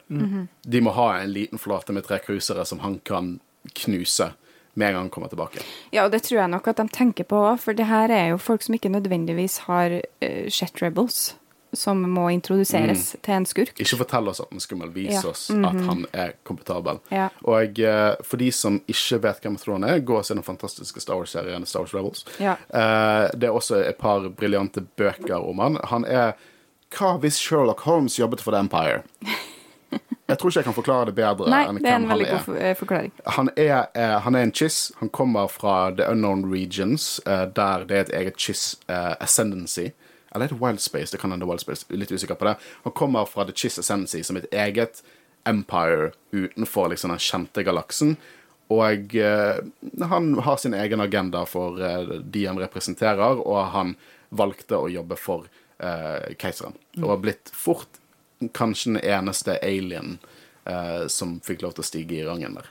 Jeg er sånn åtte kapitler inn i den første boken nå. Den er skikkelig bra. Den er skikkelig bra. Dette er ikke Battle Scars, ass. Nei, Jeg vil anbefale å lese den, og det er utrolig gøy fordi det er flere karakterer som dukker opp i Rebels, som får litt mer sympati for, og litt mer Governor Price eh, har Ja, en blant annet. Ja. Eh, Det jeg syns var veldig gøy, var liksom det å få vite at hun hadde en, eh, en gruve. Familien hadde en gruve, og governor Asadi prøvde å ta den fra hun. Så det er liksom Det er skitne folk på begge sider, på en Mm. måte. Det er veldig Det veldig vi gøy. liker, gråsoner, altså. Mm. Uh, Men når dere snakker om det her, så kommer det bare et spørsmål til meg som jeg bare må stille. Uh, hører de mye på Jizz på Chiss?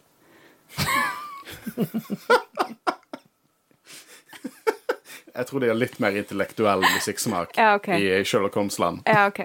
Men de har egne navigatører som heter Skywalkers, som får de gjennom liksom uncharted space. Ja. Det er canon. Kanskje en Og det er alltid jenter i tenåringsalderen som mystisk vis mister The Force når de blir eldre, så derfor bruker de alltid jenter som er tenåringer som navigatører. Ja.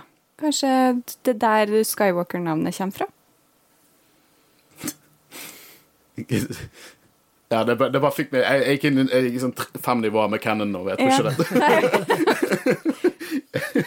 Men det var episode fem. Jeg tror vi kan trygt si at vi vitnet vitne til noe magisk her. Ja. Jeg har en avsluttende kommentar eh, før vi går over til lytterinnspill, hvis jeg kan få lov. For det jeg beit meg merke i, er at jeg syns at det her er en uvanlig kvinnetung episode til Star Wars eh, å være. Eh, det er menn her, definitivt. Eh, noen av dem som på en måte har betydning, er jo Anakin, selvfølgelig, Captain Carson og Jason. Men Jason føler jeg på en måte ikke teller Ikke helt. glem Rex. Nei da, jeg har ikke glemt Rex.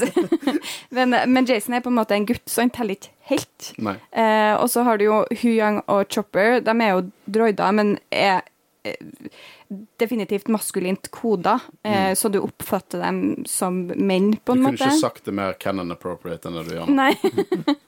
Eh, og så er det noen få menn til som har på en måte speaking parts, men definitivt så er det eh, kvinnene her som eh, dominerer. Vi har jo Asoka, Hera, eh, Mon Mothma.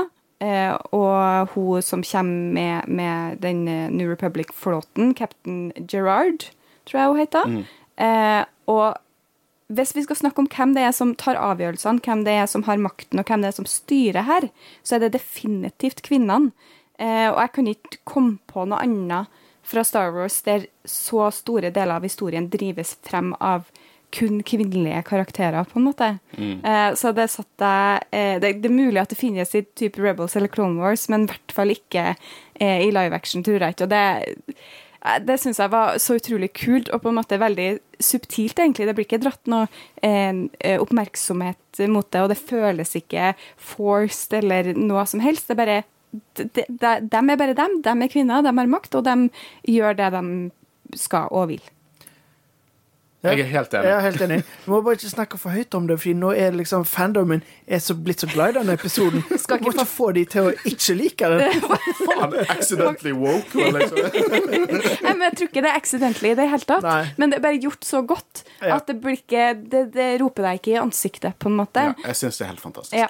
Mm. Jeg syns det er helt fantastisk. Og det er Det viser liksom hvordan du gjør det, og uten å på en måte Jeg er jo en som bare Jeg, jeg synes jo representasjon er utrolig er jævlig viktig. Mm. Og det liksom det, det, Hvis jeg hadde vært imot det, hadde ikke jeg hatt rett til å ha vært imot det, for jeg er ikke i den posisjonen der jeg ikke blir representert. Representasjon er dritviktig. Mm. Det er så viktig. Og de som sier at det ikke er det, bare fortell gode historier, ja, det, det, det er blankt feil. Ja. Det er feil. Uh, men eh, er sånn når du sammenligner dette med sånn MCU Ja, det, er- det er noen, noen tilfeller så kan det eh, definitivt eh, vises at de har prøvd veldig hardt. Og da tenker jeg spesifikt endgame. Når Ja. plutselig alle damene eh, i hele konflikten bare har organisert seg som dukker opp i denne Ja. ene shotet. Det er litt sånn Ja. I see what you did here. Og jeg setter pris på det, jeg setter pris på det. men det vises veldig godt what you did here. Ja. I motsetning til her, der det føles organisk og riktig og, og realistisk. Og det, vet du hva, jeg må også si, uh, for, uh, for uh, in-universe sci-fi-representasjon Jeg Vet ikke hva det er så gøy å se så mange aliens som er hovedpersoner? Ja. Jeg syns det er helt fantastisk. Ja. Men, Eh, vet du hva jeg tror det er Dave Filoni, altså. Jeg tror han, han har et hjerte for, for alle, eh, alle former og fasonger av eh, mennesker i det virkelige liv også, mm. og tar det med seg inn i Star Wars. Eh, dette blir en utrolig lang episode. Det er sikkert mange av dere lyttere som jubler over det, for vi har gått over tiden vår allerede. Men eh, vi har mye mer igjen, for vi skal eh, nå hoppe inn i lytterinnspill.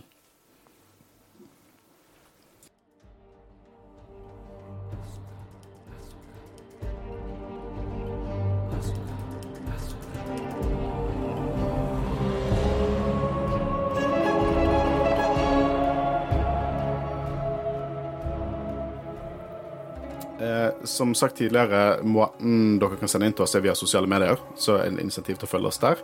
Eh, nå må jeg bare si at jeg, jeg tror vi igjen har truffet en rekord eh, på hvor mange som har sendt inn. Eh, og vi setter oss utrolig stor pris på det.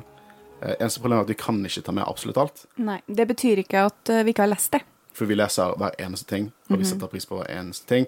Eh, Det er ikke alltid kan, vi kan svare på de når dere får det inn, fordi vi sparer til sending, og det er veldig mye som popper inn. Men herregud, for en luksus at vi har en podkast der, der vi faktisk kan ha en lyttersegment. For det er ikke en selvfølge på en, en egendreven podkast. Nei. Eh, og vi ble jo nettopp fire år. Uh, og jeg, jeg, jeg sa jo det på sosiale medier, takket alle, men dere er grunnen til at vi er her. Ja. Liksom, dette startet med vår lidenskap for Star Wars og lydproduksjon, men vi er fortsatt på grunn av dere. eh, Og vi går ingen sted. Ja, nå sier jeg ja som om jeg er et ordinært medlem av denne podkasten. Det er jeg jo ikke, men jeg kan i hvert fall bare bekrefte det. Du er ekstraordinært medlem av denne podcasten. Eh, Jeg er med i rådet, men jeg er ikke master. Ja. Em, men jeg kan bekrefte det Håkon sier, at det er definitivt det som driver gutta, er, er alt engasjementet dere, dere viser, og de syns det er så utrolig gøy. Ja, det, det gjør vi. Eh, jeg hopper inn. Eh, Nå har jeg tatt en del av de litt mindre skal, vi skal dekke, så skal dere to heller få lov til å lese noen av romanene som er sendt inn. Eh, vi begynner på Hayden i er selveste Top G, og så var han litt sexy med rød lightsaber. Syk episode. Eh, rød lightsaber gjør alle sexy, Eh, for det er den mest sexy fargen. Men ja, det er godt å se Vet du hva?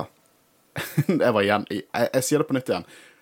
Hayden, ass. Holy Ja. shit! Jeg har lyst til å se prequel-trilogien på nytt igjen. Ja, han fortjener så utrolig mye kred mm. her. Det er helt sinnssykt. Ja, og, og jeg syns han fortjente masse cred etter Kenobi også. Nå, Ja. vi, har fått sett liksom, en, vi har fått sett han som Anakin og Vader Mm. på så kort tid.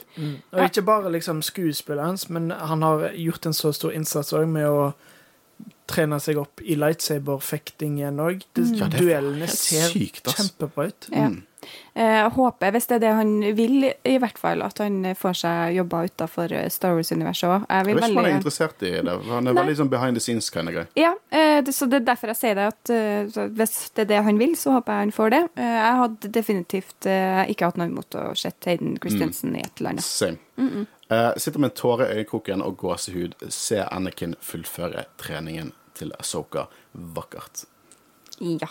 Eh, og jeg har sagt for det er veldig sjelden Nå har jeg sagt det så mange ganger. Nei, i moderne tider så gråter jeg av Star Wars. Jeg gjorde ikke det før, men etter denne podkasten For det, fikk, det var tårer i, i øynene på så mange sekvenser i den episoden, og det var virkelig vakkert. Fantastisk. Beste live action-episoden fra Star Wars. Takk skal du ha, Dave. ja, takk, ja, Dave. Takk, Dave. Men vi må også si takk til eh, alle de andre som er bak disse verkene. Ja, absolutt. Det er ikke bare Dave. spesielt nå i eh, en æra med streik, og der eh, forfattere og skuespillere ikke får det de fortjener. Mm. Eh, som skulle bare mangle, for dette hadde ikke vært noe uten de heller. Så takk til Dave, og takk til alle de andre som står bak dette her. Ja, jeg mener også Kathleen Kennedy. Hun, hun, hun er nok ikke i streik. Eh, Hun er, hun er nok ikke en av dem som ikke får det hun fortjener når det kommer til men- betaling. Men jeg, jeg må si at, at, eh, at, eh, at Slutt å på en måte liksom, Slutt å være liksom objektiv når dere snakker om dette. For det, Star, når Star Wars er, er i noen sine øyne dårlig, så er det Catherine Kennedy sin feil. Hvis det er bra, så er det Dave Filoni sin Så Dave Filoni står bak det. Jeg tror faktisk hun begynte å snakke om Dave Filoni til Endor. Det gir jo ingen mening. Eh, Catherine Kennedy har overordnet styring på alt dette her. Om du liker det eller ikke liker det. Og hun har gjort en, ut- hun har gjort en utrolig god jobb. Det er egentlig ikke opp til diskusjon. Hun har vært latterlig innbringende for Disney under disse Star Wars-prosjektene. Og jeg så en Reddit-post der de på en måte la sammen i forhold til hvordan det har vært. Og det, det er det, var, det var vel bare Jeg tror det er én ting som har fått det, det er veldig lite som har på en måte ikke vært innbringende nok. Jeg tror Solo eh, så de på en, som en liten flopp, og det var fortsatt innbringende. Resten har vært latterlig innbringende. Og det har vært høye kritikerscores her. Så eh, jeg syns også Kathleen Kennedy burde få eh, eh, hun burde ikke få så mye hat som hun Nei, får. Ass, i det hele tatt. ikke. Jeg syns ikke hun burde få hat, for å være helt ærlig. Uh, hopper litt videre. Akkurat det jeg trengte for å forstå Asoka litt bedre. Unbelievable. Og det er det vi snakker om. Nå, nå er det fulfilled. og Det føles som en karakterutvikling som har holdt på i 15 år. Det er helt sykt, liksom. Ja.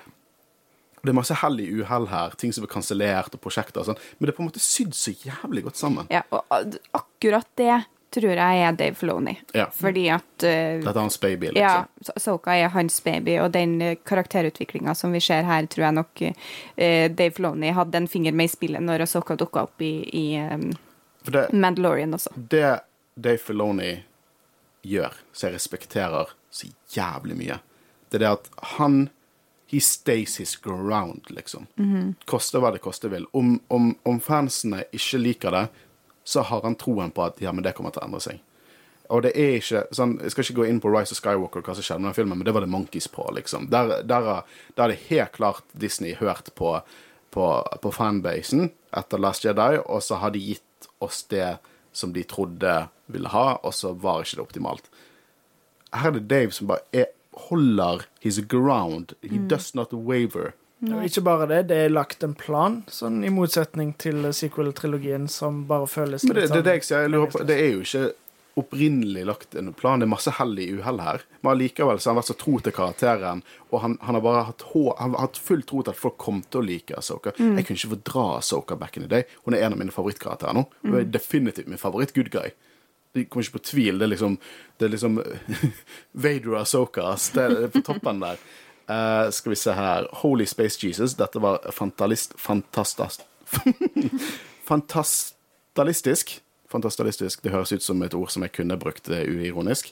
Uh, hun var så ung under klonekrigene. Hvor gammel var hun? Hun var 14. Så skuespillerne er faktisk litt eldre enn det hun var. Men det er litt sykt. Og, for jeg har sett internettet har vært sånn Holy shit, var hun så ung? Og animasjon lurer deg litt. Ja. Og så er det litt vittig hvor mye Også det at hun går i en tubetopp, lurer deg litt, tenker jeg. Jesus Christ. Ja. Hun Men får nå, mer hun klær er ikke så mye yngre enn Anakin heller, for han er vel sånn 19 i uh, Attack of the Clones. Jeg tror han er 20 i Attack of the Clones. 20. Ja. Ja, så er det vel et par år som er gått. Ja, så han er tidlig 20-årene sine ja. på, eh, i, i klonekrigene, på en måte. Uh, men men uh, det, det, er, det er på en måte Jeg syns det er litt vittig, da. For dette er jo, dette er jo dette er jo canon, liksom. Dette er sånn det ser ut. Animasjon er representasjon av det, men dette er sånn det ser så ut. Og da liksom ser jeg for meg Bo-Katan og Rex jeg har så jævlig mye respekt til denne, denne ungen. Ja, sant. Det er litt sånn sykt. Ja, det sier jo litt om Jedi nå, tenker jeg. Og så snart kommer ut og ser fullt, fullt av kloner som prøver å drepe denne ungen, koste hva det koster. Fuckings vil, liksom. Ja. Og Darth Maul, Darth motherfucking Maul, som ser ut som Satan, som prøver å drepe denne ungen din. Og ikke- 1v1-duell. Og ikke får det til. Og ikke få det til. Ja. Nei, Asoka, badass motherfucking lady. Ja, det er, hun er så bra. eh, helt sjukehus, gøy med Anakin og Clone Wars. Savner litt mer prat mellom Asoka og Anakin. Uh, for det at eh, Håvard sa jo at dette kom til å bli en rolig dialog her i episode der det egentlig ikke skjedde så mye. Det Eh, gjorde jo egentlig ikke det, da. de var på samme sted Alt hele tiden. Ja, men alt skjedde. Vi savnet dere litt mer prat? Jeg føler egentlig meg ganske content med det som skjedde i den. eh, Jeg føler at eh, det var perfekt mengde prat. Ja. Fordi at det måtte være vagt. Og de kunne ikke, ja, det, de kunne ikke ha spilt out hver eneste nyanse av det som foregår her, for det skal være vagt, og det skal være mystisk. Og for Asoka sin del, så på en måte vi, Anakin kunne ikke akkurat si Det har aldri vært sånn at mesteren sier lære på, på så bokstavelig talt. Mhm. De må på en måte tolke det litt. Mm. The Og- Jedi way, det. Ja, akkurat sånn her. Og så, i- Innerst i hjertet så har jeg jo litt lyst til at Asoka og, og Anakin hadde tida til å sette seg ned og ta seg en kaffe, liksom. Selvfølgelig. Ja. Nei, dark side. Ja. men, men, men jeg syns det er gjort perfekt her. Altså. Jeg, jeg har ingenting å utsette på det. Uh, med en gang det kom flashbacks, tenkte jeg nå ble Håkon glad. Kult med flashbacks, selv om volume ikke tilfredsstiller skalaen av Clone Wars. Uh, jeg, vil, jeg vil snakke litt om det med flashbacks, for vi hadde jo så lyst til å se flashbacks i Kenobi. Uh, vi kom jo til, litt, til den konklusjonen at det hadde kanskje tatt litt vekk fra historien, men faen, jeg er glad de ventet.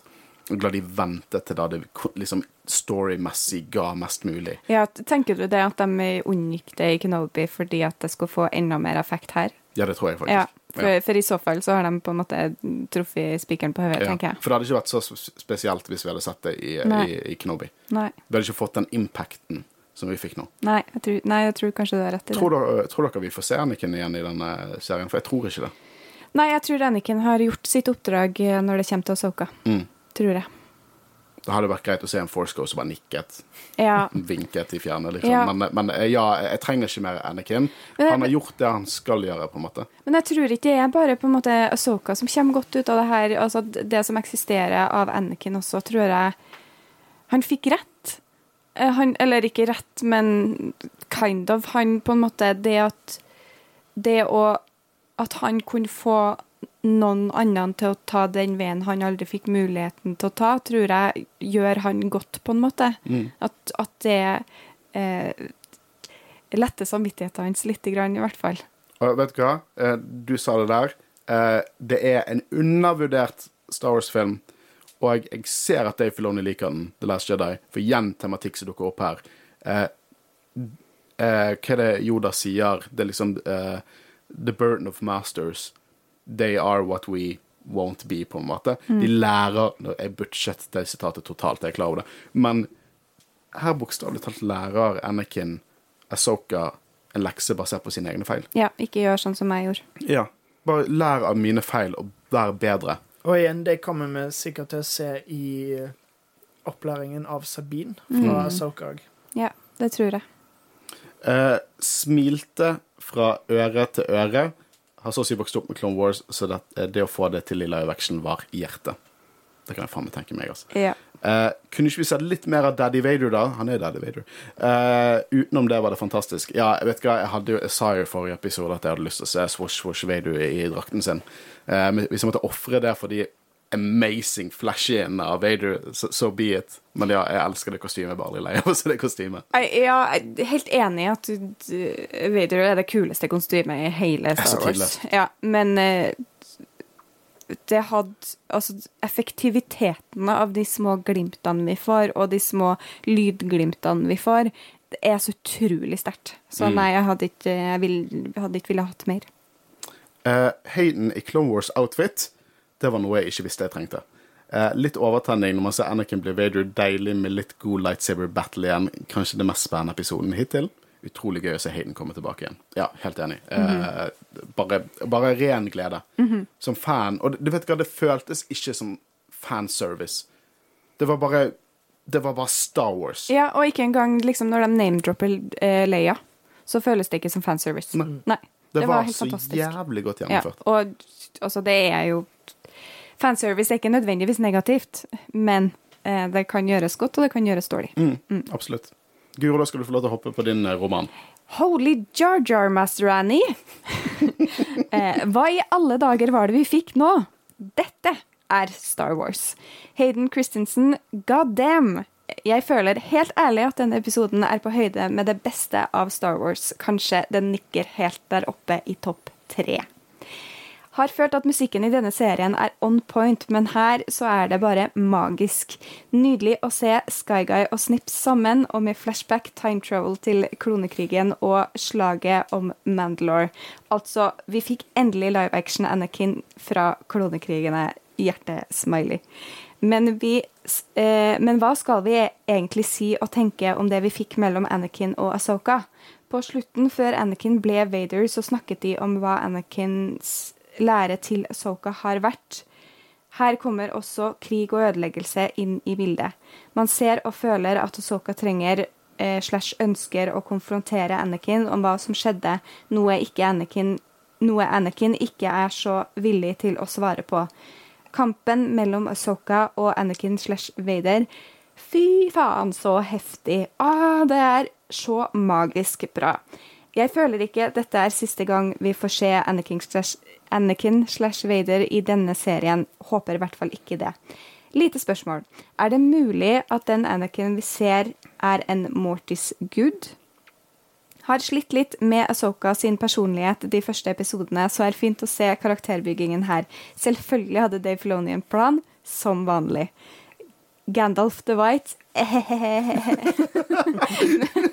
mener Asoka the White oppstår, og her er hun mer som sitt gamle jeg. Nydelig. Ønsker også å nevne skuespillet til Hayden Christensen med Kenobi-serien, og nå så håper jeg han får den honnøren han fortjener. Blir rett og slett glad for å se Hayden tilbake og levere så godt som han gjør. Varmer et Star Wars-hjerte som vokste opp med prequelsene. Jeg har kanskje sagt det bedre sjøl. Nei, jeg føler det her var basically en, en, et sammendrag av den episoden vi Ja. har spilt inn. uh, apropos The Mortis Good, det syns jeg er interessant. Jeg har sett det gå litt rundt omkring. Um, nei, jeg tror ikke det er Mortis Good. Uh, jeg tror det er mer personlig enn som sa. Uh, men som eh, Skulle det vært The Daughter, da, eventuelt? Det er vanskelig å si, ass. Og Mortis Gudene føler jeg er så ensidig på de ulike aspektene av The Force at det følt, for min del så føltes det ikke helt som det. Uh, min tolkning av dette var Anakin. Er det en tolkning basert på at jeg håper det var Anakin? Maybe. But it doesn't matter. All tolkningen er lov her, og jeg, føler hele opplegget med den leksen Vi har snakket litt om hva vi mener er leksen, så skal ikke gå inn på det igjen. Men jeg føler alt åpen for tolkning, og en sekvens med World Between Worlds bør ting være åpen for tolkning, og derfor synes jeg at de utførte dette helt briljant. Håvard, har du lyttere, du òg? Eh, ja. Å, fy faen. Vi lever i så sjukt i gullalderen av Star Wars, ass. Tenk at vi fikk se live action General Skywalker og Commander Tano. Gi Filoni alt han ville ha. Vi må ha mer live action Clone Wars. Hvis noen sier noe annet enn at denne episoden er noe av det beste Star Wars har laga, så er de helt out of their mind. Hele seansen med Anakin og Asoka er så vill at jeg ikke klarer å plukke det fra hverandre og analysere det engang. Det var som en drøm jeg har hatt siden jeg var liten gikk i oppfyllelse. Nei, fy søren. Neste episode kommer til å bli en sykt downgrade fra det her. Hvordan kan det toppes? Ja, det lurer jeg jo litt på. Eh, Thrawn. Enkelt svar på det spørsmålet. eh, Thrawn. ja, men jeg vet ikke, altså Hvis de da gir oss først det her, og så Throne i neste episode, hva skal de gjøre inn resten av sesongen? kollektiv nerdgasm. At det, bare, det er ikke noe vits i, for det kommer ikke til å være mer levende til å se resten av sesongen. På torsdag så er det ingen Star Wars-fans eh, som går på jobb, for de har eh, eh, spontaneously combusted. Hvis ikke du var våken om natten, og så kanskje på onsdag. Uh, ja, nei, det, det, er, det er helt sykt. Og det er, så, det er så deilig når sånne øyeblikk skjer. Og jeg trenger som folk som også er kritisk til Disney Star Wars, som igjen, veldig lov. Uh, vi, åp vi i den podkasten er åpen for god dialog om alle typer syn på dette, her, om man liker det eller ikke gjør det. Men Mando sesong- sesong én samlet fandomen. Slutten av Mando sesong to samlet fandomen. Til og med den Luke-episoden i Book of Bobafett samlet fandomen. Eh, det skjer mer og mer i det siste. Så prøv å huske de øyeblikkene neste gang du, du får ut noe som kanskje man ikke helt viber med. Du har fortsatt episode fem i Asoka, som kom ut nylig, liksom, i 2023. Yeah. Gullalder. Gullalder. Det, liksom, vi er en gullalder. Det er ikke noe tvil om at vi er en gullalder. Dette er så Star Wars Dette, dette liksom George Lucas er fan av denne episoden. Ja, men seriøst, han er fan av denne episoden. Det er ikke noe tvil. Absolutt. Her, det er så utrolig mye tem tematikk fra prequels her, eh, Ja. som, som eh, var noe han ville fortelle. Eh, etter, på, et, etter originaltriologien, på en måte, så ville han ha frem Eller føler jeg i hvert fall er min tolkning av det hele, at han ville sette et lys på Jediene og være litt kritisk og bare gjør dem egentlig det riktige? Er de egentlig så gode som de eh, det blir framstilt i, eh, i Jeg Hør på Mace, Window Windu fulgte med på denne episoden. Ja. Jeg vet ikke om uh, dette er en ny kommentar. Det var del av samme. Det var en del av samme. Da er det, må jeg bare beklage, det er formateringen til Håkonsen ødela. Kanan Jarrus og senator Organa blir nevnt. Captain Rex i egen person. Love it. Spaleswell spiser romskip, og Chopper er tidenes drøyde. Nå må Grand Admiral Thrawn dukke opp i neste episode. Jeg husker lenge før Mando kom ut, så leste jeg så lik som hva det kom til å handle om, og det Yoda-rasen og Mandalorian. Sånn, hæ? Og hvis noen hadde forklart til meg Jo, eh, Asoka hopper til en annen galakse inn i munnen til en space whale. Hæ? Og så begge deler har gjort så jævlig, er så jævlig bra utført at du bare sluker det. Du tror på det. Eh, Absolutt. Nei, nei, jeg likte det kjempegodt, og jeg føler bare Jeg er bare så glad for at vi får, får se Purgles. det er så søt. Alt jeg ville i Asoka, var å se Purgles. det var kjempegøy, for jeg husker den episoden da Purgles dukket opp, og jeg var så klar på at du kom til å mislike og Du var sånn, oh, I love it.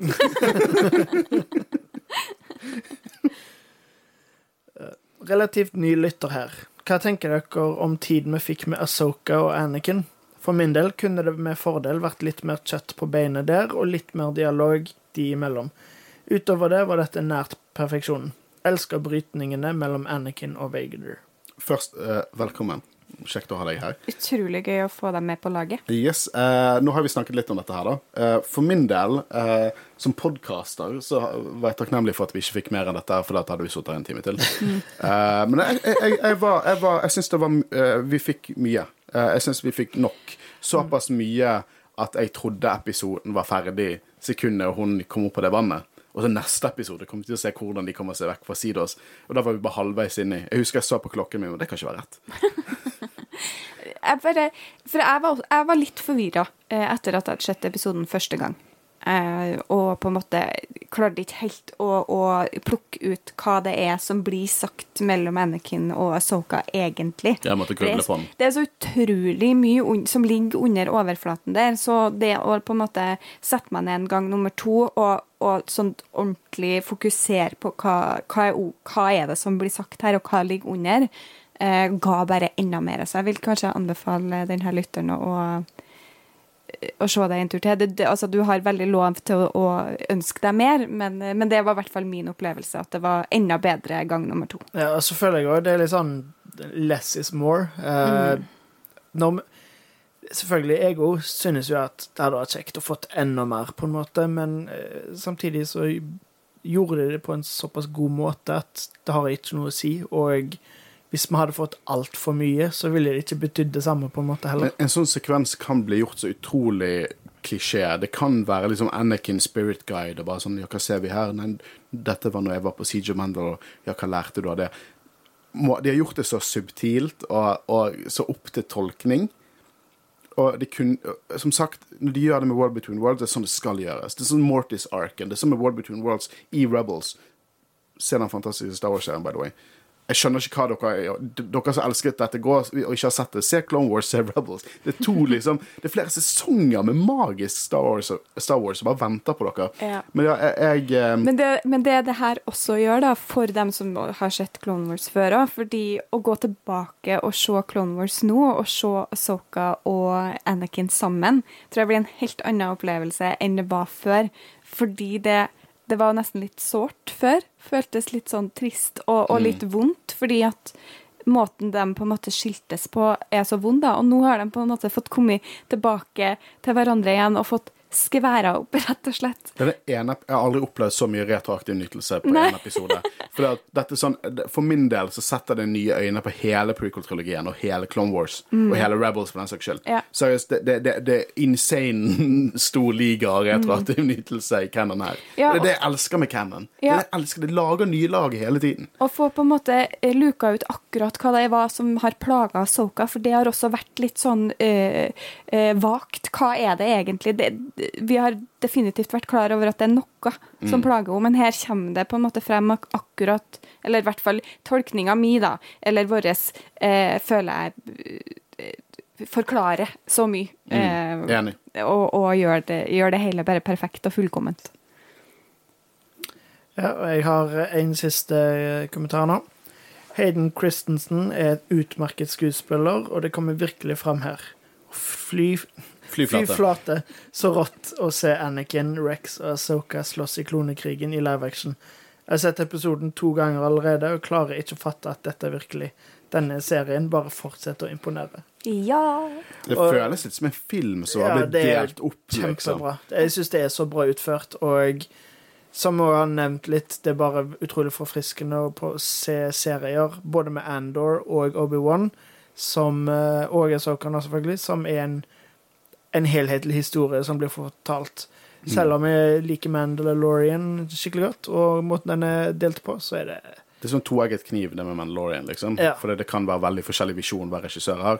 Og det er jo forskjellige regissører her, men det er Det er, Det er så en enhetlig Liksom. Ja. visjon. Ja, ja, ja, Absolutt. absolutt. Jeg syns det bare er utrolig bra utført. Og som jeg nevnte innledningsvis, det er vanskelig å si liksom hvor denne kommer til å ende opp på rankingen over alle serier så langt, siden vi ikke har sett alt. Men ja, jeg liker det utrolig godt så langt. Det er akkurat det jeg ville med Asoka. og vi fikk alt det i den Mm. Weird, episoden. mystic force shit. Det er det jeg har mast om. Det er det jeg ville ha. sant? Ligger godt an til å ta toppen. Ja. Kanskje, kanskje eh, jeg fortsatt har et eh, Det er mye TV-visor her også, men jeg har, har, eh, det er vanskelig å slå Mando for ingen som forventer at, at nå skal slå Mandalorian for deg, Håkon. Det er Det er jo vanskelig òg, fordi jeg synes jo først Andor var det beste så langt, og så kom Mandalorian Du sesong tre, og og- shiny, du. Og så bare Og så kom Mandalorian sesong tre, og jeg nei, gikk tilbake til det. Nei, men eh, det var nå det vi hadde denne uken. Eh, ekstra lang episode denne gangen, og tusen takk til alle som sendte inn. Eh, neste uke så skal han jævel med skjegget der borte til Galaxy's Edge. Eh, han, lovte, hvis han hadde plass, å kjøpe Cal Kestis lightsaberen til meg. Jeg vil bare eh, påpeke at det er Håvard som er jævelen med skjegg. Ja. Eh, ta masse sånn selfier med de her skuespillerne som går rundt. Følg oss på sosiale medier. Kanskje du ser noe kult som Håvard poster der. Og nå har det jo faktisk eh, nettopp eh, kommet en Hera som går rundt i Galaxy Edge. Sammen med Chopper. Nei! Oh my god! Nei! Oh. gleder meg til. Håkon, skal vi reise til Galaxy, Galaxy Edge? Ja. Bryllupsreisen her. Eh, men eh, neste uke så kommer det til å være meg og Guro Vågan, som eh, dere har hørt i dag, og Marius Haugan, fra daglig leder av Studentradioen Bergen. Han kommer tilbake igjen. Da blir det vi, Da mangler vi to rådsmedlemmer, så kan han et kupp bli foretatt. Hvem Ja, vet? skal ikke se bort ifra det. Så stay tuned. Vi er ikke ferdig med soccerdekkingen uh, igjen. Eh, som jeg, uh, jeg syns er viktig å gjøre i hver episode. Jeg vil takke Arild Øren Vanvik for den latterlig on point musikken. Som han laga før serien kom ut. Det er helt sinnssykt. Eh, helt utrolig bra musikk som virkelig øker egentlig produksjonsnivået eh, her. Det, liksom Definitivt. jeg, jeg, jeg synes vi, vi er greie på å snakke, og sånn, og vi har fine stemmer for all del, men ikke til den kvaliteten som musikken hans gjenspeiler. Så tusen takk til Arild, og hvis dere er interessert i hans verk, så finner du eh, en, eh, et album av musikken han har laget for oss, og nylig sluppet Soka-themet, som dere har hørt litt snutter av i denne episoden. Han har lagd en fire minutter lang hel score. Sjekk han ut. Du finner han på iTunes, Amazon Music, YouTube, eh, Spotify, der dere hører musikk. Så tusen takk til Arild. Tusen takk til dere to. Min Mitt navn er Håkon Øren. Jeg har sittet sammen med Horus. Og Guro Vågan. Og vi snakkes neste uke. Ha det godt. Ha det bra. Ha det!